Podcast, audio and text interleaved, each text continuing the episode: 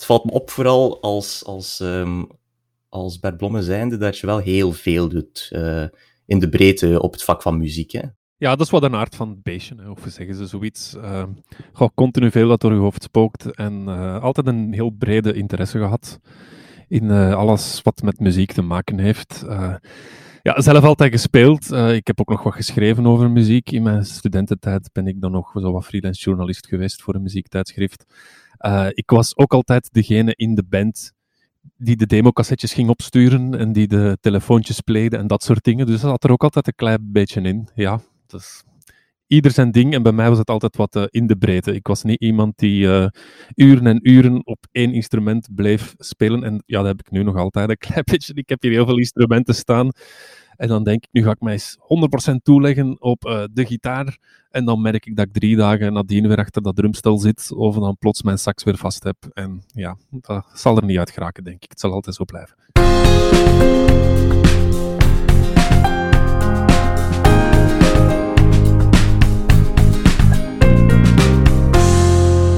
Eerst en vooral heel erg bedankt dat je wil meedoen aan Onder Vier Oren. Eh, super, hè? ik vind het altijd heel leuk om te babbelen over muziek. Dus niets leuker en het gaat zo weinig nu ook, hè, nu dat we niet op café kunnen. Dat is waar. Luister je eigenlijk veel naar, naar podcasts of doe je daar vaker aan mee? Um, ja, zelf gast zijn, dan is dit de eerste maal. Uh, ja, ik heb dan mijn eigen podcast natuurlijk gedaan, die nu wel een klein beetje op zijn uh, gat ligt, zoals ze zeggen. Voor de rest luister ik veel. Ja, ik zet er wel af en toe in op. Ik ben wel uh, luisteraar, zoals heel veel mensen van Welcome to the AA bijvoorbeeld. Uh, van Alex en Andries. Um, goh, ja, ik heb zo Joe Rogan, pik ik alles mee als er een gast tussen zit die mij ligt. Ja, niet continu, maar ik, ja, ik pik er regelmatig wel mee. Laten we beginnen bij het begin. Um, je bent muzikant saxofoon, elektrische gitaar. Ik hoor nu ook drums. Dat had ik zelf niet in mijn Ja, ja, ik heb hier een drumstel staan. En zoals uh, de meeste gitaristen die ooit in een rockband hebben gespeeld, kruip daar wel eens achter. Maar uh, veel meer dan een boom chak zit er nu ook niet in. mijn misschien wel. Ik drum mee met heel veel moeilijkere dingen. Maar ik denk dat er, als er iemand naast zou staan die de muziek niet mee hoort. ja, nee, dat is een beetje een hobby. Hetzelfde als ik heb hier ook, mijn dochter speelt piano. Ik heb hier een piano staan. En ik kan wat akkoordjes leggen. Maar vanaf wanneer mag je dan zeggen dat je piano kan spelen? Dat is altijd zo moeilijk. Ik, uh, ik heb ook altijd een klein beetje schroom om... Oh, schroom. Dat is in elk vakgebied zeker. Als ik uh, mezelf muzikant moet noemen, en dan denk ik, ja Bert, je bent muzikant, ik heb conservatorium gestudeerd, ik speel veel instrumenten, maar ik ben geen virtuoos. En um, ja, elke muzikant kent wel dat gevoel van, er zijn zoveel andere mensen beter dan ik in dat uh, wel bepaalde instrument of hetgeen wat ze doen. En dan is het wel een uh, kwestie van uw eigen uw eigen stem te zoeken daarin. Hè? Ja, gaat het daarin, denk, denk je, om gewoon verliefd te zijn op een instrument en daar iets mee te doen? Zou je dat dan al kunnen omschrijven als muzikant zijn, of gaat het dan toch nog iets verder? Um, bom, bom. Ja, een moeilijke vraag. Vanaf wanneer ben je muzikant? Vanaf wanneer mag je dat etiket op je kleven? Eigenlijk van het moment dat je muziek maakt. Ja. dus er zijn misschien ook uh, zwakkere muzikanten of slechtere muzikanten of betere muzikanten. Dat is ook weer zo subjectief. Uh, is Johnny Rotten een muzikant? Uh, ja, is dan een goede zanger? Ja, technisch niet, nee, maar wel net in dat ene kleine ding dat hij deed. En zo zijn er zoveel mensen. Hè. En ja, er zullen altijd mensen beter zijn dan u. En als die technisch beter zijn dan u, zijn die dan ook zoveel beter in het verhaal wat ze vertellen. Dat ze, ja, daar kunnen uren over blijven doorleuteren en uh, voorbeelden over geven natuurlijk. Absoluut. Uh, ik merk bij mezelf nu, allee, ik heb zelf vier jaar piano gedaan uh, ten tijde in mijn middelbare schooltijd, zal ik maar zeggen. Maar echt mezelf muzikant noemen vond ik dan zeer moeilijk, omdat ik dan bijvoorbeeld niet nooit echt heb opgetreden op uitzondering van dan ja, uh, examens en dergelijke. Um, hm. Dus voor mij ja, is een muzikant iemand die, die op zijn minst uh, eens een optreden heeft gedaan voor een publiek. Ja, ja. Um, hoe klein dat ook mogen zijn. En vandaag de dag is het ook anders. Ehm, als je dingen naar buiten wil brengen. Vroeger was er het, het magische woord van het platencontract. Je zat in, in uw repetitiekot en je kon opgepikt worden of niet. was een soort ultieme droom. Maar nu vandaag, als ik een nummer maak, uh, kost het mij een kwartiertje om het uh, aan te melden op Spotify, bij wijze van spreken. Dus ja. Absoluut, absoluut. Ik merk het nu ook. Deze podcast is begin januari op uh, Spotify gedropt geweest. En ik denk dat alles pakweg in een tweetal dagen geregeld was. En dan niet enkel Spotify, maar alle platformen die er ook maar mogen bestaan voor, voor podcasts. Dus ik vond het heel snel gaan. Ja, dat is ook top, hè? Alle, mogelijkheden dat je nu hebt. Um, ja, ik ben uh, geboren in het jaar 81 en ik ben met mijn eerste band begonnen uh, midden jaren 90 als ik tiener was. En toen, ja, dan was dat een demo opnemen. was dan eerst moest je, als je liedjes had geschreven, dan had je een cassette recorder. Die zette je in het midden van um, het repetitielokaal. En dan probeerde je de repetitie nadien te ontcijferen. Wat hadden we nu weer gedaan vorige keer? En dan heb je een soort ruis-audio-worst met vooral veel symbolen. En als je dan een demo wou opnemen, dan moest je al iemand kennen die zijn uh, vier sporen Tascam uh, cassette recorder wou en dan kon je dan iets, ja, en dan, uh, ja, dan had je dat gemaakt, wat dan uh, qua klankkwaliteit niet echt geweldig was. En als je dat dan aan mensen wou bezorgen, dat was, ja, ik heb, ja, zoals veel mensen van die generatie, nog uh, namiddagen cassettes kopiëren en met postpakketten voor hun neus. En adressen zoeken. Ja, nu op het internet vind je heel snel van ik wil iets naar, naar, ergens naartoe sturen, maar zelfs nog als ik begon was er nog geen internet, dus dan moest je alles horen. Kent iemand het adres van platafirma X? Zullen we daar eens een cassetje naar sturen? En dat, ja, veel meer gedoe. Ja, absoluut.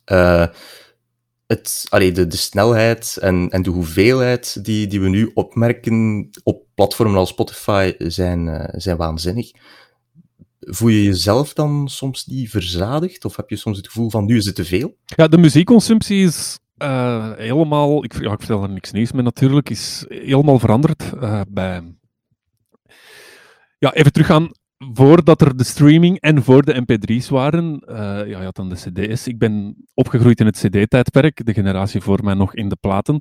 En dat had bepaalde consequenties met zijn voor- en zijn nadelen. Hè. Ik had een, uh, ik weet nog, als ik tiener was, een cd kostte uh, ehm, 750 frank.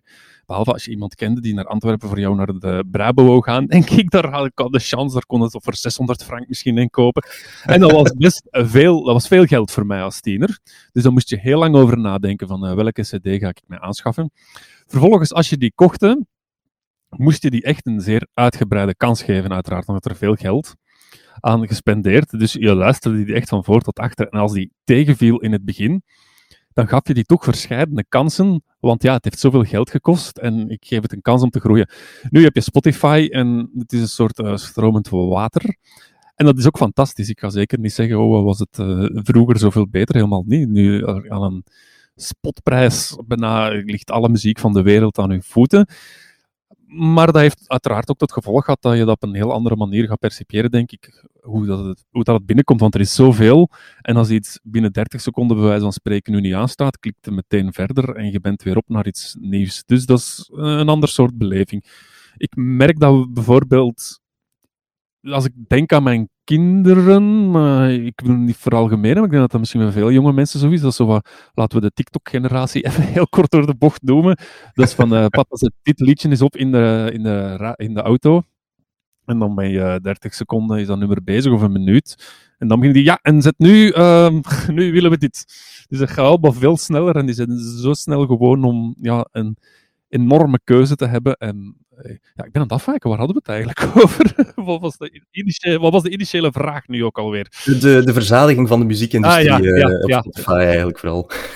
ja, want ik merk nu... Uh, um, daarom, als ik uitgenodigd was voor uw podcast, dan was ik uiteraard zeer blij. Denk, ja, leuk, praten over muziek. En dan vervolgens maakte zich een zekere zenuwachtigheid zich over mij meester, omdat ik dacht, goh, ik ben niet, echt niet meer mee met de meest recente dingen.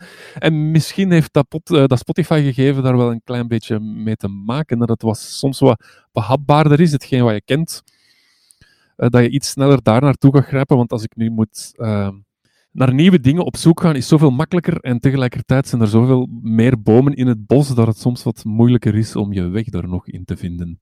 Je had vroeger ook een paar duidelijke, ja, als je ehm, tiener was in Vlaanderen en je hield van uh, alternatieve muziek, zullen we het even zo bestempelen, had je, je had een paar eikpunten. Hè. Je had de Humo en je had Studio Brussel uiteraard, dat waren zo de dingen waar je naartoe greep. En dan had je nog wat muziektijdschriften. En je had de Riffraff en de Stage en uh, vanuit Nederland de Oor. En daar kon je dan op zoek naar um, ja, naar nieuwe muziek. Nu is het zodanig veel meer dat ik iets moeilijker vind om te weten van, wacht, wie gaat mij de ultieme tip geven voor het... En ik hoor zoveel verschillende namen en zoveel verschillende dingen dat het ja, soms voor mij wel moeilijk is om een leidraad te vinden van wat is nieuwe muziek dat echt iets voor mij zou kunnen zijn. Ja, kan ik, kan ik volledig begrijpen. Er zijn, er zijn heel veel punten waar dat ik op zou kunnen inpikken, maar ik, ik ga daar nog even mee wachten voor, voor bij het tweede luikje. Ehm, in ieder geval, een enorme liefde voor muziek, dat staat vast, uiteraard. Heb je nog enig idee waar dat, dat beestje is begonnen, waar dat, dat is opgekomen? Ja, dat, is het dan nu een cliché gezegd, dat zit in u, dat zit niet in u. Dan, alles hangt natuurlijk ook heel veel af van uw omgeving. Um, ik ben opgegroeid met een uh, acht jaar oudere broer met wie ik een slaapkamer moest delen. Dus, en die had best al wel wat, uh, die had heel veel cassettes en die was ook redelijk snel met cd's. En wat ik nog wel weet, als ik uh, 10, 11 jaar was luisterde de rest van de klas naar de top 30 als het al over muziek ging, of naar kinderliedjes, en bij mij thuis stonden de Pixies op. Of uh, ik kwam ook al redelijk snel aanzetten met, uh, voor mijn stof, met Body Count. Of met, uh, als Nirvana pas opkwam, was ik nog, ook nog 10, 11 jaar. Oh, van, ja, met, ja, twee, is in nu, nevermind, 1 of 92 of 90. Zwat, maakt niet uit. Zwat, ik, was nog relatief, ik was nog relatief jong en ik heb dat toen al allemaal meegepikt. En ja, ik, ik moest ook thuis verplicht naar de muziek. Allee, verplicht, het is niet onder dwang, maar het was wel een vanzelfsprekendheid dat ik muziekschool moest doen ja, en ik deed het dan gewoon, dus je krijgt het dan mee. En uh, in de tienerjaren dan uh, de, de eerste gitaar gekocht en wat beginnen prullen. En dan kom je gelijkgezinde zielen tegen in de middelbare school, die dan vragen van... Uh, ja, jij speelt gitaar, wil je ons bandje komen spelen? Zeer graag. Amper kunnen spelen, maar dat is ook de charme ervan natuurlijk. en ja, altijd, altijd maar gegroeid en gegroeid. En tot dan het had me zo bezeten dat als ik het laatste middelbaar zat, dat ik zeg, ja, ik, ik moet naar het conservatorium, want ik, zit alleen met mijn gedachten bij die muziek. En kijk, zo is het uh, verder gegroeid. Wat me daarbij opviel was, um, je speelt elektrische gitaar, maar je speelt ook saxofoon. Um, wat me een opvallende combi leek. Ja. Van waar de fascinatie voor saxofoon? Wel, de saxofoon uh, is uh, mijn muziekschoolverhaal eigenlijk. Hè. Dus ik moest uh, muziekschool doen. Dan, nu mag je meteen met een instrument starten. Toen was dat na één jaartje notenleer. En dan welk instrument wil je doen? En ik zat toen in het vijfde leerjaar, denk ik. En het was ook alleen nog maar klassiek. En nu heb je veel poprichtingen. of als je zegt van ik wil nu elektrische gitaar studeren op de muziekschool, dat gaat op de meeste plaatsen. Bij ons toen niet. En uh, wegens een zot idee dacht ik, ja, een saxofoon gaat wel iets voor mij zijn. Dan heb ik altijd, ja, een klassieke sax was dat dan. Heb ik altijd gespeeld. Maar ja, toen was er nog een heel soort uh, tweedeling tussen je hebt de muziek op de muziekschool en die moet ik nu eenmaal doen om die nootjes te leren lezen. En daarbuiten kwam dan uh, geleidelijk aan die gitaar opzetten en dan kon ik gewoon mijn eigen goesting doen. En dan waren ze twee gescheiden werelden. En het is pas bij het ouder worden, door mijn studentenjaar stilaan met jazz beginnen bezig geweest te zijn. Toen had ik die sax eigenlijk al wel aan de kant geschoven, want die uh, muziekschoolcarrière zat er toen op. Uh, ik heb dat helemaal uitgedaan, dat klassiek gedoe. En toen als ik met jazz begon te appreciëren, dacht ik, hé, hey, dat, uh, ja, misschien moet ik dat ook eens met die sax proberen. En dan heb ik die stilletjes aan, af en toe weer opgepakt, af en toe weer laten liggen. En ja, dat was een altsax dat ik had. En dan heb ik verschillende jaren niet meer gespeeld. En dan heb ik, wat is het, jaar of vier, vijf geleden, een tenor toch gekocht om dan toch terug... Uh, ik ben ook de laatste jaren terug veel meer naar jazz aan het luisteren. En ja, dan probeer ik daar wat. Uh, maar ik ben zeker nog geen volwaardig uh, jazz-saxofonist. Ik ga er nog niet mee op een podium staan. ik wilde het eigenlijk net vragen. De, de, de fascinatie voor jazz was er niet per se van bij het begin van nee. je Nee, oké. Okay. Nee, dat is zoiets dat, dat bij veel mensen... Ja, het is een iets minder toegankelijk genre natuurlijk, hè. En het is pas door, ja, door eigenlijk naar het conservatorium te, conservatorium, moeilijk woord, te gaan, dat er, uh, dat kreeg ik de vakken jazzgeschiedenis bijvoorbeeld ook, dan word je geleidelijk aan wat uh, geïnitieerd in het genre. Alhoewel dat dat toen ook nog meer een soort, ja, ik was heel geïntrigeerd daardoor, maar ik weet niet dat ik er echt van genoot. En dat is pas met het uh, ouder worden dat ik nu echt gewoon er heel, heel erg van geniet van die muziek. Het, het krijgt een soort van nostalgisch kantje waarschijnlijk ook. Uh... Uh, ja, dat is misschien iets dat, dat ik zeker nog wou zeggen of aan bod zou laten komen, maar ik geloof heel hard in het ehm, ja, het, het contextgedreven van muziek, moet ik dat zeggen, dat is op zich logisch. Ik, ver, ik verkoop hier geen uh, gigantische nieuwe waarheden of zo, maar je hebt de muziek aan zich, maar je hebt dan ook wie brengt, wie brengt het nummer? Wanneer in jouw leven heb je dat eerst gehoord? Waar was je toen mee bezig? Uh, welke gevoelens had je toen? Uh, zat je in een goede of in een slechte periode? Dat is al één ding, dus de context van jezelf en ook de context waarin het gemaakt is. Wie heeft het, ja, dat heb ik net al gezegd, wie heeft het gemaakt? In welke periode is het gemaakt? En welk verhaal hangt er rond? En dat vind ik altijd heel, heel boeiend. En dat doet hij ook aan, op uh, heel andere manier naar, uh, naar muziek luisteren. Dus als het nu al gaat over jazz, ik hou heel hard van de, de oude Blue dingen. Ook, ja, dat zijn heel vaak de, de grote en bekende namen. Ik ben een John Coltrane fan en zo. En ik ben dan ook iemand die biografieën leest, die docu's daarover bekijkt. En het verhaal dat daarachter zit, dat nostalgisch kantje zoals je het er net noemde, geeft mij een heel ander... Allee, dat is een heel extra dimensie aan, uh, aan het luisteren en het genieten van die muziek. Ja, het, uh, ik vind jazz op dit ogenblik nog een, een zeer lastig genre. Uh, ik ken er zelf zeer weinig van, op uitzondering van oh, misschien zelfs maar twee namen eigenlijk. Zo echt Kamasi Washington heb ik zo de laatste jaren een beetje ah, ontdekt. Ja. Um, en Go Go, Go Penguin, uh, ik weet niet of je die kent. Zegt niets van naam, maar ik kan me er niet meteen iets... Het is een, het is een Brits jazz trio hmm. dat ik uh, ook enkele jaren terug had ontdekt. Als ik me niet vergis, vergis een contrabas, een pianist en een drummer die ook wel uh, het puur instrumentale jazz voortbrengen. Ja, ja. Um, maar ik vraag me dan af, zijn er go-to's of toegankelijke jazzartiesten die... Natuurlijk, denk ik wel. nu dat we het er straks over Spotify hadden, er zijn ook heel mooie Spotify-lijsten. Van de Best of Blue Note is altijd zo'n hele goeie om te starten. Maar nu, dat zijn ook dingen, ik vind niet dat je die moet pushen op een zekere manier het is leuk om ervoor open te staan en om dan kans te geven, maar als je merkt van, god, dat is niks voor mij, ga ik niet uh, blijven doordrammen en zeggen, je moet dat goed. Ja, helemaal niet. Als dat niks voor u is, is dat niks voor u.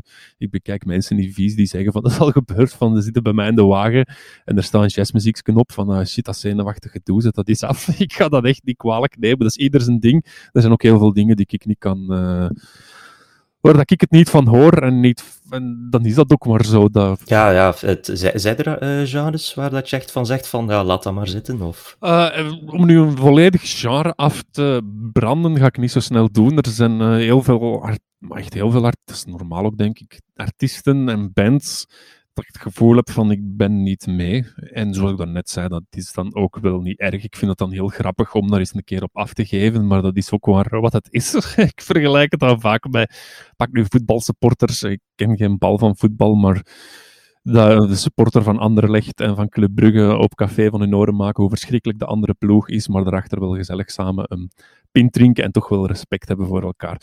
Zo heb ik heel veel artiesten die populair zijn, en als ik dat hoor, dan denk ik, wat de ja, nee, ik vind, ik vind het verschrikkelijk. En tegelijk heb ik er heel veel respect voor, want er zijn heel veel mensen... Ze hebben iets gemaakt wat heel veel mensen wel tof vinden. Iets wat ik niet kan zeggen, dus eh, chapeau, goed af, maar het is nu even niks voor mij. Als je voorbeelden wil, ik zet mijn radio af als Bart Peters passeert, bijvoorbeeld. Ik vind dat toch fascinerend. Ik vind dat fascinerend, want ik, ik was bijvoorbeeld nog wel redelijke fan van... Uh ik weet nu niet of het zijn recentste plaat is, maar Brood voor Morgen Vroeg vond ik nog wel leuk. Maar ik kan me nog herinneren dat jij dat ooit in een van jouw podcasts had gezegd. krijg ik daarvan. Brood voor... Wat is dat nu? Brood, ja... Ah, dat geaffecteerd. Maar uh, trekt meteen voor alle duidelijkheid. Uh, Bart Peters is een enorm strafgetalenteerde man. Is een enorme waarde voor het, het medialandschap geweest. Uh, is een heel straffe muzikant. Uh, dus ik heb niks als lof voor die mens. En zoals bij ja, gewoon zelfs bij muzikanten, maar ook bij BV's algemeen kan ik, heb ik het heel lastig met mensen die afgeven op... Uh, ja, ik zeg nu Bart Peters zet ik af, en dat is gewoon omdat zijn muziek nu net, de Nederlandstalige muziek, onder zijn naam. Maar als mensen personen afbranden omwille van iets dat ze doen, ik noem mijn beenhouwer ook geen klootzak als ik zijn worsten niet lekker vind. Zo, snap je? Dat hoorde heel vaak van, ah nee, die, die, die zijn kop kan ik niet zien, die vind ik verschrikkelijk, of dit of dat denk ik, ja, nee, uh, mogen Bart Peters een beenhouwer zijn. Zijn worsten vind ik niet lekker, maar uh, hij heeft wel fantastische biefstukken in de aanbieding. En, uh, snap je? Dus dat, is, dat, zijn twee verschillende dingen. Maar nee, Bart, Bart Peters vinden zijn Nederlandstalig werk vind ik niet zo fijn. Maar geen enkel probleem. Heel veel mensen vinden dat geweldig, dus ik heb er alweer, ik val in herhaling, heel veel respect voor. Ja, het, allee, ik, bij mij is het bijvoorbeeld een, een persoon als Niels de Stadsbader. Zijn muziek vind ik bijvoorbeeld niks. Maar ik kan wel heel veel respect opbrengen voor het feit dat hij gewoon ja, sportpaleizen vol weet. Ja, uh, te verzamelen. ja, dat is, hij heeft een keuze gemaakt. Ik maak dit soort muziek voor dat publiek en dat is zeer goed, maar ik ga zelf ook een Niels de Stadsbader plaat opleggen. Ik heb die nederigheid, nederigheid, als dat mooie woord is, ehm, ook wat geleerd door ja, als je even teruggaat in de tijd, als je 18, eh, 19 jaar bent, zoals dat ook bij mij, dan ben je een beetje cocky, een beetje arrogant. En je denkt dat je het warm water opnieuw uitvindt. En je hebt uh, muzikanten X en Y, dat is geweldig. En al de rest is brol. En uh, iemand die Vlaamse slagers maakt, wat voor een debiel is dat? Zo die mentaliteit. En dat is er volledig uitgegaan bij het ouder worden. Ik heb zo het is eigenlijk qua, je, je weet misschien, ik heb die theatertour gehad over de plaatjes van de kringwinkel. En uh, met heel veel mensen gaan praten die uh, oude Vlaamse muziek hebben gemaakt. En muziek waar dat vroeger mijn tenen waren van gaan krullen. En dan blijkt dat er geweldige mensen achter zitten, heel mooie verhalen, ook heel straffe muzikanten, die gezien de tijdsgeest nu eenmaal die muziek hebben gemaakt. En plots luister je daar met heel andere oren naar. En uh, komen, ja, doe je nog heel, heel toffe ontdekkingen. Dus ik ga zeker niet zomaar iemand uit het populaire genre. Of ja, wat is dat ook, populaire genre? Ik weet dat er zo wat gedoe rond was, hè, rond uh, de Mia's. Van, uh, je hebt dan beste zanger en dan beste zanger populair. Ja, maar waarom is dat minder waardig? Er valt inderdaad wel iets voor, te, voor te zeggen. Inderdaad. Ja, ik wilde het inderdaad daar nog eens over hebben, over plaatjes uit de kringwinkel. Voor alle duidelijkheid, het gaat om de theatershow met Jan de Smet. Ja, dat klopt twee seizoenen van gedaan. En het tweede helaas niet helemaal kunnen afmaken omwille van uh, corona. Ja, ik, het was eigenlijk mijn stom idee begonnen. Ik wandelde een kringwinkel binnen, wat ik wel eens meermaals deed. En dan zie je ja, de platenbakken. Hè. Elke muziekliefhebber is daar wel eens doorgegaan. En dan kom je veel James Last tegen. En op Vlaamse zangers waar je nog nooit van gehoord hebt. hebt in de singeltjesafdeling kom je dan ook heel vaak nog bij de opkomst van Tien om te, tien om te zien dachten heel veel bakkers en uh, boekhouders dat ze misschien toch ook eens moesten proberen een uh, Nederlandstalig singeltje te maken voor een ontluikende carrière die er nooit van gekomen is. Dus je vindt daar heel veel namen dat je denkt van wie de hel zouden die mensen zijn? En ja, ik was geïnteresseerd van ik ben wel eens benieuwd wie of wat dat dit is. Een klein beetje beginnen opzoeken. En zo is die een bal wat aan het rollen gegaan. En zo hebben we dan samen een theatershow gemaakt waar dat ik wat uh, vertel over, ik laat, ik laat heel veel plaatjes zien. Uh, en ik probeer wat een mengelmoes te maken van uh, grappige dingen, uh, ernstige, er zitten een paar ernstigere verhalen bij. de, maar er mag vooral ook gelachen worden, het is entertainment. En dan was Jan Smet van de Nieuwe Snaar, die een ongelofelijke vinylliefhebber is en ook een platencollectie heeft waarvan je achterover valt. En een dito, dito kennis over het materiaal, die, ja, die me heeft gedaan en die wat me heeft verteld en bracht dan ook met een live band verschillende nummers. Ja, en hoe, hoe bepaal je dan wat, welke, welke platen er dan uiteindelijk in de show terechtkomen?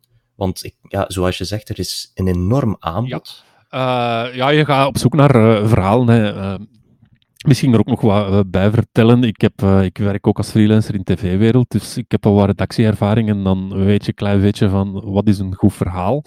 Dus dan ben ik eerst op zoek gegaan naar goede verhalen van mensen die iets hebben meegemaakt of die een plaatje voor een reden hebben gemaakt. Of ja, gewoon een goed verhaal. Zit er een goed verhaal achter een plaat? En daar heb ik dan geprobeerd het beste uit te selecteren. En dat wordt dan gecombineerd met... Uh, soms is gewoon een hoesje leuk. En is het ook niet meer dan dat. Maar is het ook wel heel leuk om te tonen wat er zijn hoezen gemaakt. Uh, halleluja. Of plaatjes dat je niet kunt geloven dat ze ooit het daglicht hebben gezien. dus ja... Ja, dat is zoals in elk creatief proces. Als je een plaat maakt zelf met muziek en je hebt 20 nummers en je wilt dat er 13 op je plaat komen, moet er op een bepaald moment ook 7 weggooien. En dan moet je ergens een keuze niet maken. Dat is zo wat hetzelfde geweest met, uh, met de show. Uh, er is materiaal voor een nieuwe show. ik, ik, ik kan zo vermoeden dat er zelfs voor nieuwe shows of, of, reeksen. Uh uh, materiaal ja, er, is, er, is, heel, heel, heel veel. Ja. het is niet allemaal, eh, maar eh, regelmatig doe je, ja, je doet heel toffe ontdekkingen en je ontmoet ook geweldige mensen. Ik heb heel veel, heel veel leuke mensen ontmoet.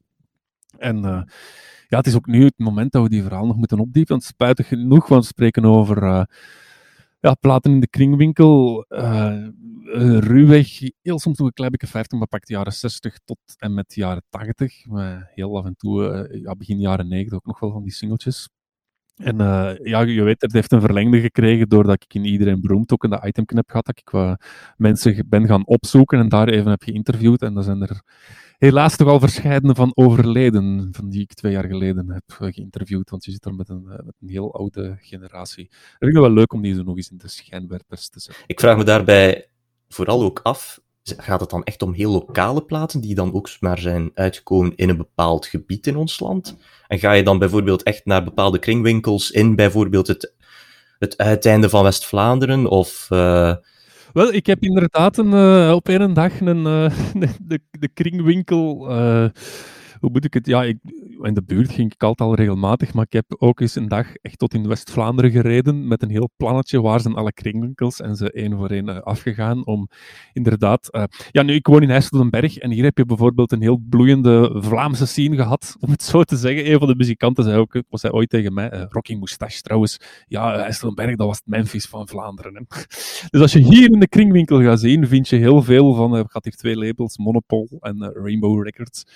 Maar ik wou inderdaad wel vermijden dat ik niet te veel in eigen streek blijf hangen. Dan ben ik wat gaan uh, waar, rondzoeken. En inderdaad, elke streek heeft wel zo zijn uh, lokale helden. Maar uh, soms doe je nog wel bijzondere ontdekkingen. Bijvoorbeeld hier in, dat in Westerlo vroeger. En, um, oh zit, zit diep in mijn ik moet even diep nadenken, zo hoe dat nu weer juist zat. Er was een zaak, was het nu een meubelwinkel? Goh, ik wist het zo goed, want ik heb het allemaal gedocumenteerd. Dus wat, um, de man van de winkel had uh, tweelingzonen, de gebroers Vermeers, denk ik, en die hadden samen een bandje The Court. En uh, bandje The Court uh, bracht dan heel veel gekke platen uit, van stonden er met, met praken op. En ja, die hij had die praken. Oh, ik ben dingen door elkaar aan het zagen. Maakt niet uit. Die twee heren hadden samen een, uh, een bandje. En dat was ook wat ter promotie van de zaak van papa. En denk dat is heel lokaal in Westerlo. En ik heb platen van de Kort teruggevonden aan de zee. dus uh, op een of andere manier uh, cirkelen die dingen toch wat rond. En uh, los, het was een heel, heel groot deel uh, Vlaams. Ik heb ook internationaal wel een beetje bekeken, omdat het ook wel uh, opmerkelijk is welke internationale plaat je altijd terugvindt in de kringwinkel. Mijn show begint ook met altijd te vragen van wie denk je dat de meest vertegenwoordigde artiest is in de kringwinkel. En echt in elke kringwinkel massa's en massa's. Ik heb zelfs kringwinkels gehad die één apart segment hadden, alleen maar platen van één artiest. Ik zal het eens aan u vragen, wat zou jij zeggen? Ik wilde het net vragen of ik mocht raden. Ik ga gaan voor Wiltura. Nee. dus ja, dat is een andere. Nee, James Last. Dat is onvoorstelbaar. James Last, wat uh, Vlaanderen heeft massaal James Last gekocht. en ook massaal James Last naar de kringwinkel gebracht. En ja, als je die man, want ik begin dan ook altijd mijn show met uh, te vermelden hoeveel miljoen platen de man verkocht heeft. En ik, dan het nu al heel lang geleden is dat ik die show gebracht heb, weet ik het niet meer uit het hoofd. Maar uh, iedereen kan Wikipedia nu even snel openen. Dat is waanzinnig, waanzinnig, James Last. En dan vind ik dat ook wel boeiend om er naar achter naar op zoek te gaan. Waarom wilde Vlaanderen massaal, of waarom was dat zo'n succes hier? En ja, James Last is zo wat... Oh man, dan ben ik in de podcast van muziek over James Last bezig. Ja, dat is, ja, ken je James Last? Ik, ik ken die man heel vaag, maar uh, ik ga niks van zijn muziek uh, echt uh, deftig kunnen ja, wel, heeft nu de laatste decennia terug een klein beetje... Um, het was een heel afgebrand figuur. Een periode geweest dat mensen... Het was liftmuziek, hè, dat is muzak, zoals, ja. zoals ze zeggen. Maar Quentin Tarantino heeft hem in enkele van zijn films van muziek gebruikt en plots had het terug een soort cultfactor.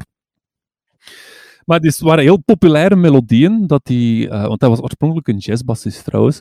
En het is een Duitser, maar toch uh, artiestennaam James Last.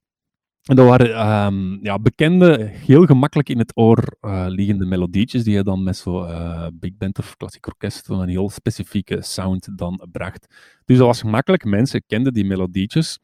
En ik weet nog, Jos van Oosterwijk, de man achter tien op te zien, heeft mij nog ja? Verteld dat James Last ook heel, dat was... Um, in vergelijking met producties in Vlaanderen klonk dat toen echt goed. Daar zat budget achter. Die, ja, die verkocht veel, die Duitsers hadden veel geld. Dus dat was echt oh, de eerste stereo en trompetjes in stereo. En dus dat klonk goed. En dat was dan ook ideaal om um, te stoeven met uw platenspeler, om maar te zeggen. Verkopers in, uh, in, in, winkels zetten dan James Last. Want hoor eens hoe goed dat dat klinkt. Dus het zal wel die combinatie geweest zijn van uh, gemakkelijk behapbare muziek en uh, dat klonk, voor, klonk, gewoon ook heel goed, als je dat graag hoorde. En dus en masse gekocht en ook en masse terug naar de kringwinkel gebracht. Want die platen hebben hun waarde niet echt behouden. Ik vind het dan ook heel tof dat, dat dan uiteindelijk iedereen beroemd er ook op is gesprongen. ja, dat is Ehm, heel leuk. Is, hoe, is dat precies ontstaan? Hadden zij dan eerst de theatershow waarschijnlijk ontdekt en dan gedacht van dit kan een heel leuk format zijn voor in het programma? Of... Nee, ik ben zelf naar hen toegestapt. Ehm ja, omdat ik werk ook eh, achter de schermen voor tv en het leek mij een leuk idee. En dan eh, via via mijn eh, idee aangebracht en heel wat babbels en brainstorms en over en weer gemail. Totdat ze uiteindelijk zeiden van het is goed. En kijk, het is een leuk itemtje geweest. Ik heb het zeer graag gedaan. Leuke mensen ontmoet. En eh, veel reacties op gehad. Dat was altijd eh, heel tof. Ja, ik, ik heb zelf helaas, ja, ik ben, ik ben iemand van de, van de iets jongere generatie die televisie een beetje, al mijden is een groot woord, maar laten we zeggen, eh, gewoon minder mee bezig is. Dus ik heb daar eigenlijk werkelijk geen enkel, geen enkel uitzending van gezien. Het is niet erg. Ze- Er staan nog een deel van online, heb ik gezien. Op de website Ah, van Eide. Ah, op de website van hen. Ah, ja, als oké. je denkt dat je platenkast iedereen beroemd googelt, dat je er nog wel een paar zal tegenkomen. Maar het is niks wereldschokkend. Hè. Het is wat het is in eh, iedereen beroemd, wat het een, eh, ja, een, een, een leuk programmaatje is dat mensen opzetten om wat de beslommeringen van de dag of van het nieuws eh, even te vergeten. Ja. Dus het is in die context gemaakt. Het was heel leuk, het was gezellig. Ik vind dat wel heel interessant, gewoon het hele verhaal er rond, allee, er rond. En zoals je dan ook al eerder zei, inderdaad, je gaat er op een totaal andere manier naar luisteren. Ja. Ehm, het, het, het enige wat ik had teruggevonden, ik heb nu wel gewoon op YouTube dan gezocht, was, eh, ik denk dat het een soort van demo was, eh, een, of een, een probeersel aan, eh, nog voorafgaand op ehm, het format, maar Ah ja, met, eh met Jodens waarschijnlijk, met de Jos. Ja, het Ja. sigaret, eh, het Ja. sigaretnummer. Ja, ja, het sigaretnummer is later in de uiteindelijke uitzending ook nog uh, terechtgekomen. Maar dat was een testje dat we gemaakt hadden, ja. Dat was Jo Dens, eh, Jos Jordens heet de man. Ik heb hem nu goed leren kennen, geweldig sympathiek man, heel goede muzikant. En dat singeltje had ik gevonden in de kringwinkel en dat heet Kussen met een sigaret.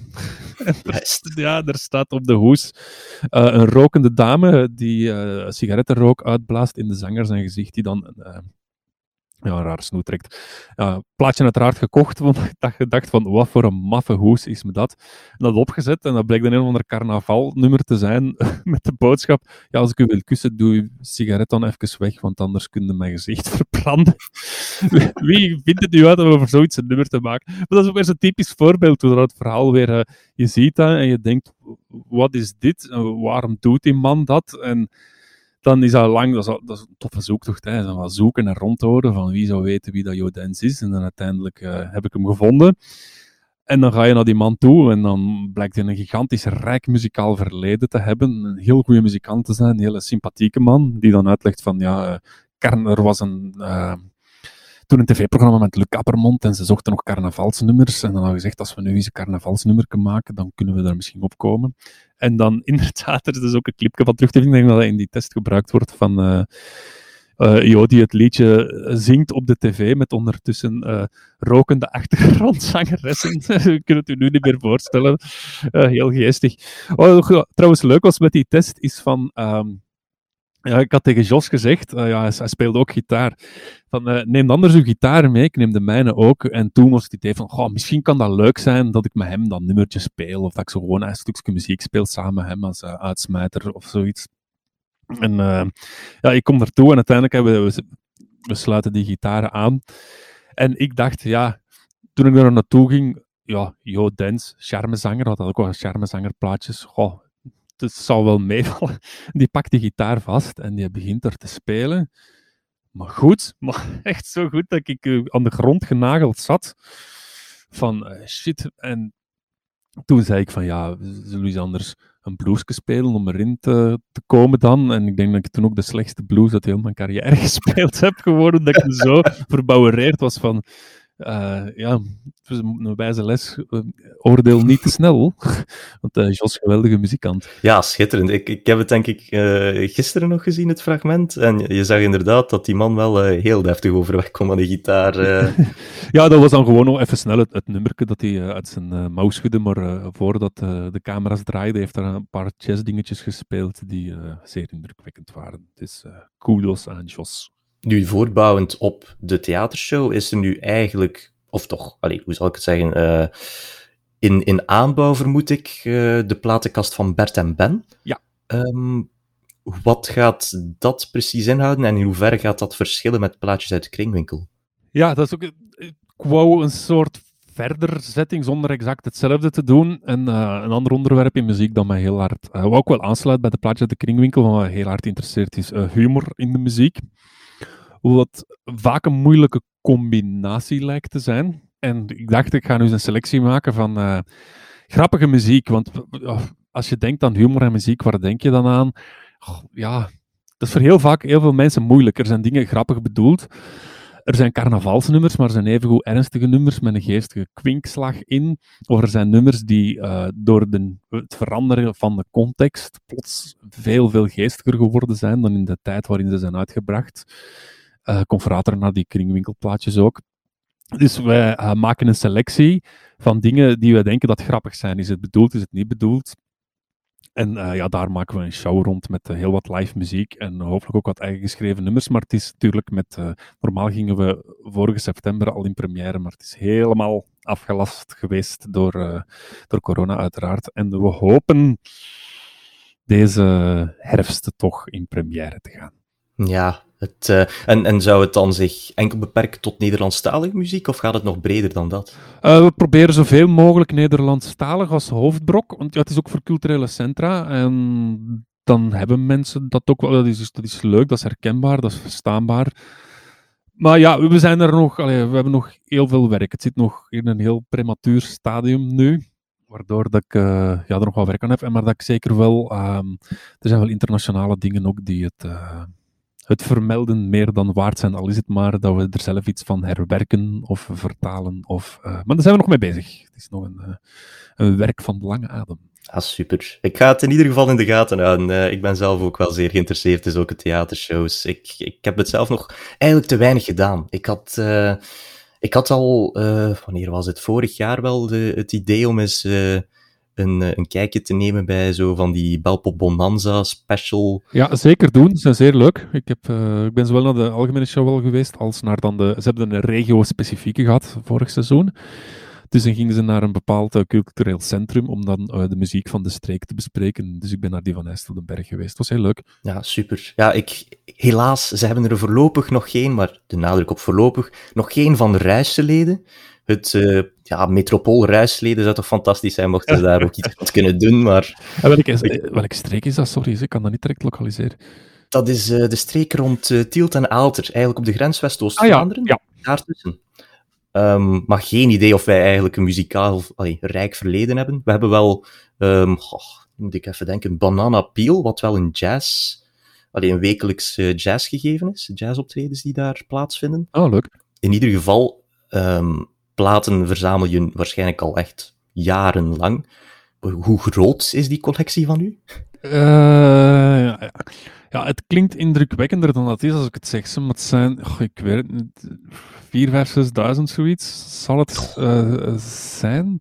Of ben ik nu aan het overdrijven? Ik zou nog eens Maar van een heel groot deel uh, kringwinkelcollectie is. Dus um, dieven hoeven niet aan mijn deur te komen staan, want de waarde daarvan is niet om achterover te vallen. Dus ik heb een heel grote kringwinkelcollectie en uh, in mijn functie van jazzliefhebber heb ik toch wel, uh, ook wel wat jazzplaten. Maar de kringwinkelcollectie is het uh, grootste. Dus ja, ik ben heel veel in kringwinkels geweest, maar wat ik ook heb gedaan is af en toe kom je dat wel eens tegen. Zo'n groot lot op tweedehands.be van iemand die ja, al is komen te gaan of naar een rusthuis is gegaan en de familie weet niet wat ze moeten doen met 600 platen van pp waar, ja, dan uh, kom ik op proppen. Ja, ik, uh, ik, ik heb hier de, de grote pech dat uh, mijn vader was ook een heel grote vinyl-liefhebber, die ook wel, ik denk, een stuk of 2000 platen in zijn bezit had. Maar toen dat we toen verhuisden, ik durf niet meer exact zeggen wanneer het was, het zal ergens begin jaren 2000 geweest zijn. Um, was er niet echt meer ruimte voor en heeft hij ook maar gezegd van, ja, wat gaan we daarmee doen? Goh ja, we smijten ze weg, hè. Um, en, dus op dat ogenblik was ik zelf nog geen grote muziekliefhebber. Dat is pas eigenlijk ergens begin jaren tien uh, uh, bij mij terechtgekomen. Dus nu is dat zo van, oh, toch spijtig dat ik daar niet eens heb door kunnen gaan. Um, dus zitten we hier maar met een collectie van 25 platen. Ja, er is een periode geweest dat vinyl, uh, dat was uh, verleden tijd, hè. de CD, de CD ja. was er geweest. En uh, voor heel die nieuwe hype, ja, mensen smeten dat massaal weg. Dan nam veel plaats in beslag, dat was geen goede klankkwaliteit. En ja, ik merk dat nu soms nog wel van ehm, de generatie van mijn ouders bijvoorbeeld, of ehm, de pluspapa van mijn uh, vrouw was een tijd geleden hier op bezoek. Die echt zo kijkt van, allee, als ik een, uh, een plaat oplegde, van waarom, waarom legde jij een plaat op? Je toch, ja, die dat moeilijk te begrijpen vinden. Van, we hebben zoveel miserie met die slechte platen gehad en nu ga je daar nog eens terug mee beginnen, zodat. ja, hoe sta je zelf nog tegenover cd's bijvoorbeeld? Is dat iets wat je nog gebruikt? SCD's gebruik ik niet meer. Ik heb er heel veel, ja, een beetje het verhaal van uw vader ook. Ik had er veel die ik allemaal heb weggedaan. En ik heb een kleine selectie gehouden van CD's waar ik een, uh, een emotionele waarde nog aan hecht. En voor de rest, dus, uh, ja, ik stream ook uiteraard als ik uh, op wandel ben met de koptelefoon, dus Spotify. En platen, hè, mijn CD's is er zo tussenuit gevallen. Ja, het, hetzelfde liedje hier. Ik heb ze hier nog wel liggen, maar het, is, het is niet dat ze echt worden gebruikt. Het feit is ook, ik heb zelf geen rijbewijs, toch voorlopig.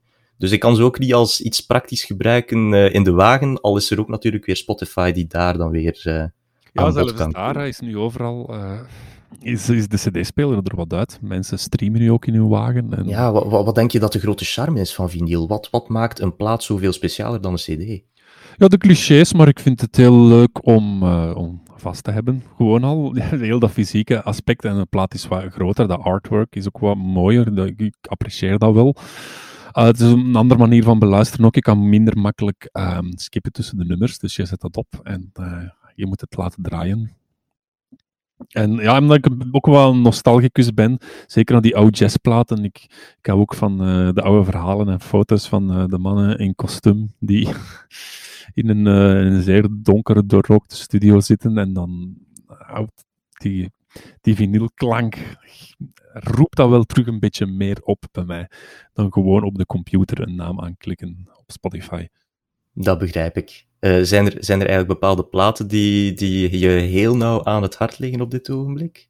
Vinyl bedoel je echt? Of, ja. ja, uh, ja die, wel in de zin van die ik heel graag en heel vaak speel en heel intensief gebruikt worden. Qua uh, emotionele waarde is dat zoals bij de meeste mensen.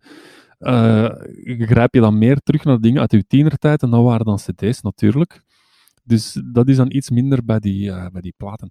De platen die ik echt uh, grijs draai, zoals ze zeggen, die, die ik echt heel vaak opzet. En ik dan ook heel veel, uh, ja, Chet Baker Sings is er zo een.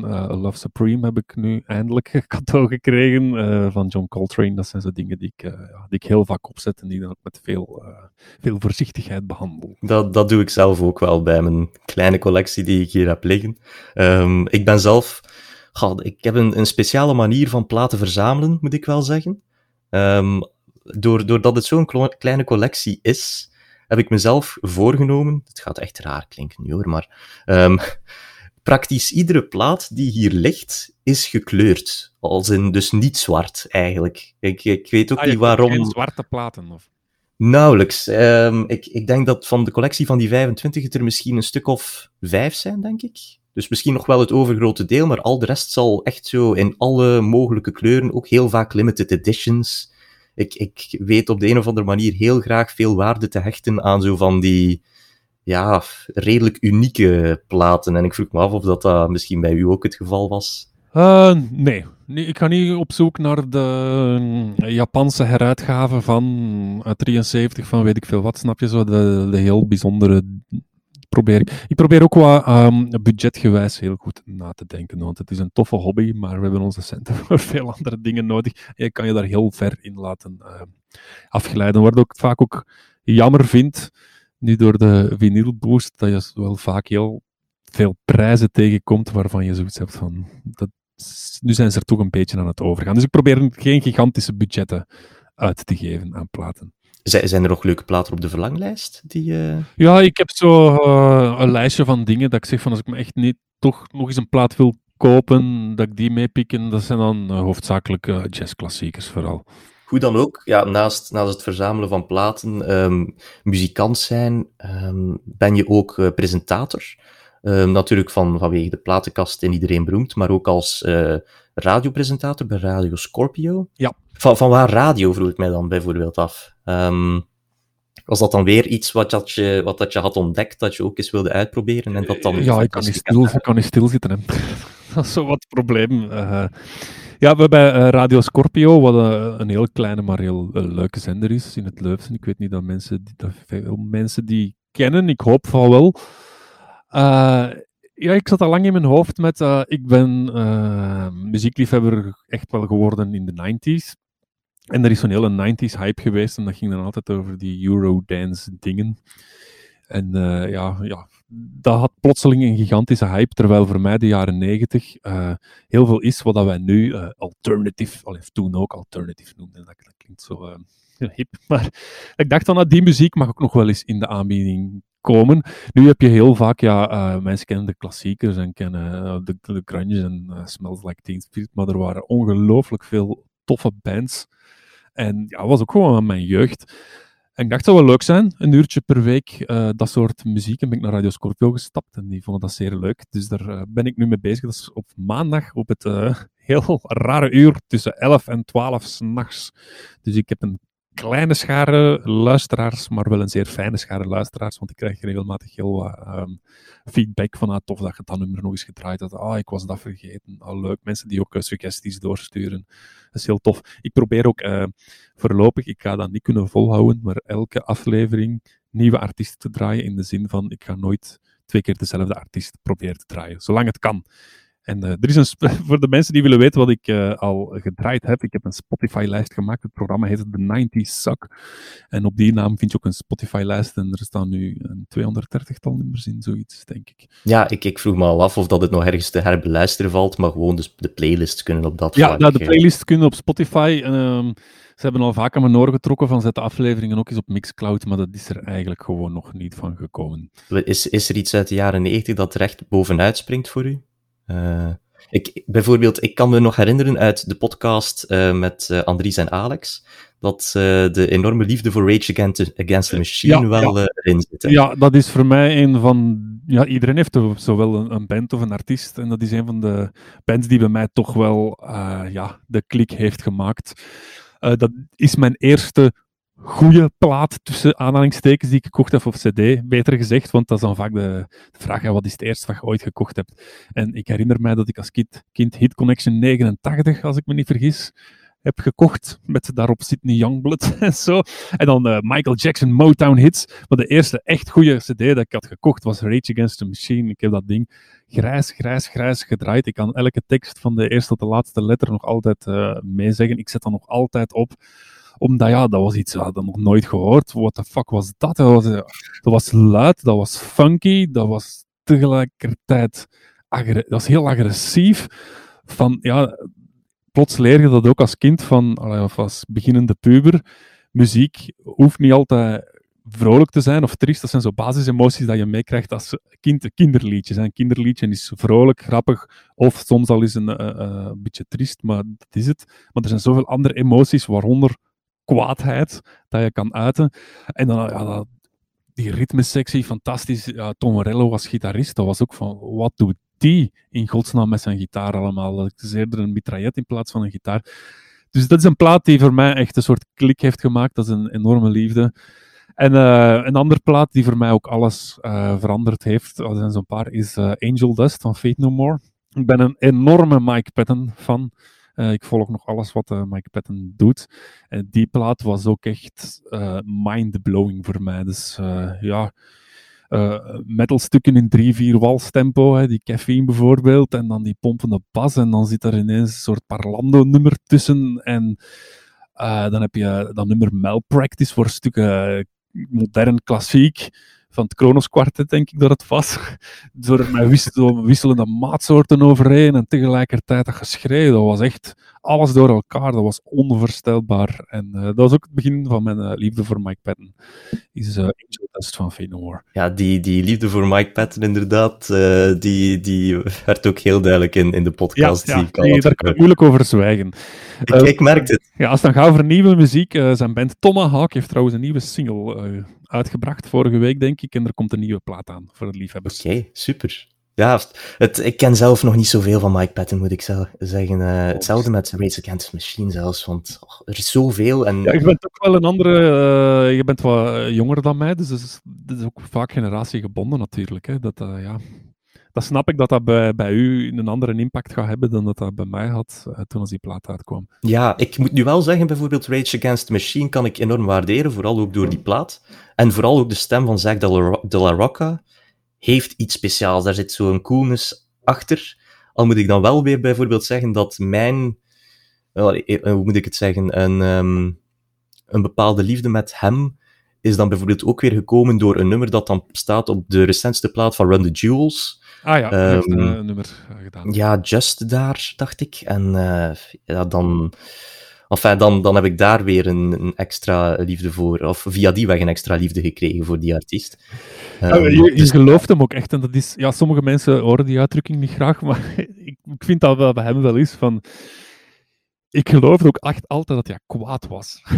Naar Rage Against the Machine is, ik heb het niet gevoel van dat het optreden is gedaan. En uh, die begint moppen te tappen tegen de mannen backstage. En van, hey, dat was het. En ik heb ze weer goed liggen gehad. Nee, ik geloofde ook echt dat hij kwaad was. En dat, ja, die straalt een soort oprechtheid uit. En ja, die stem was gewoon heel, dat, ja, dat snijdt door die muziek. En was eh, heel kenmerkend.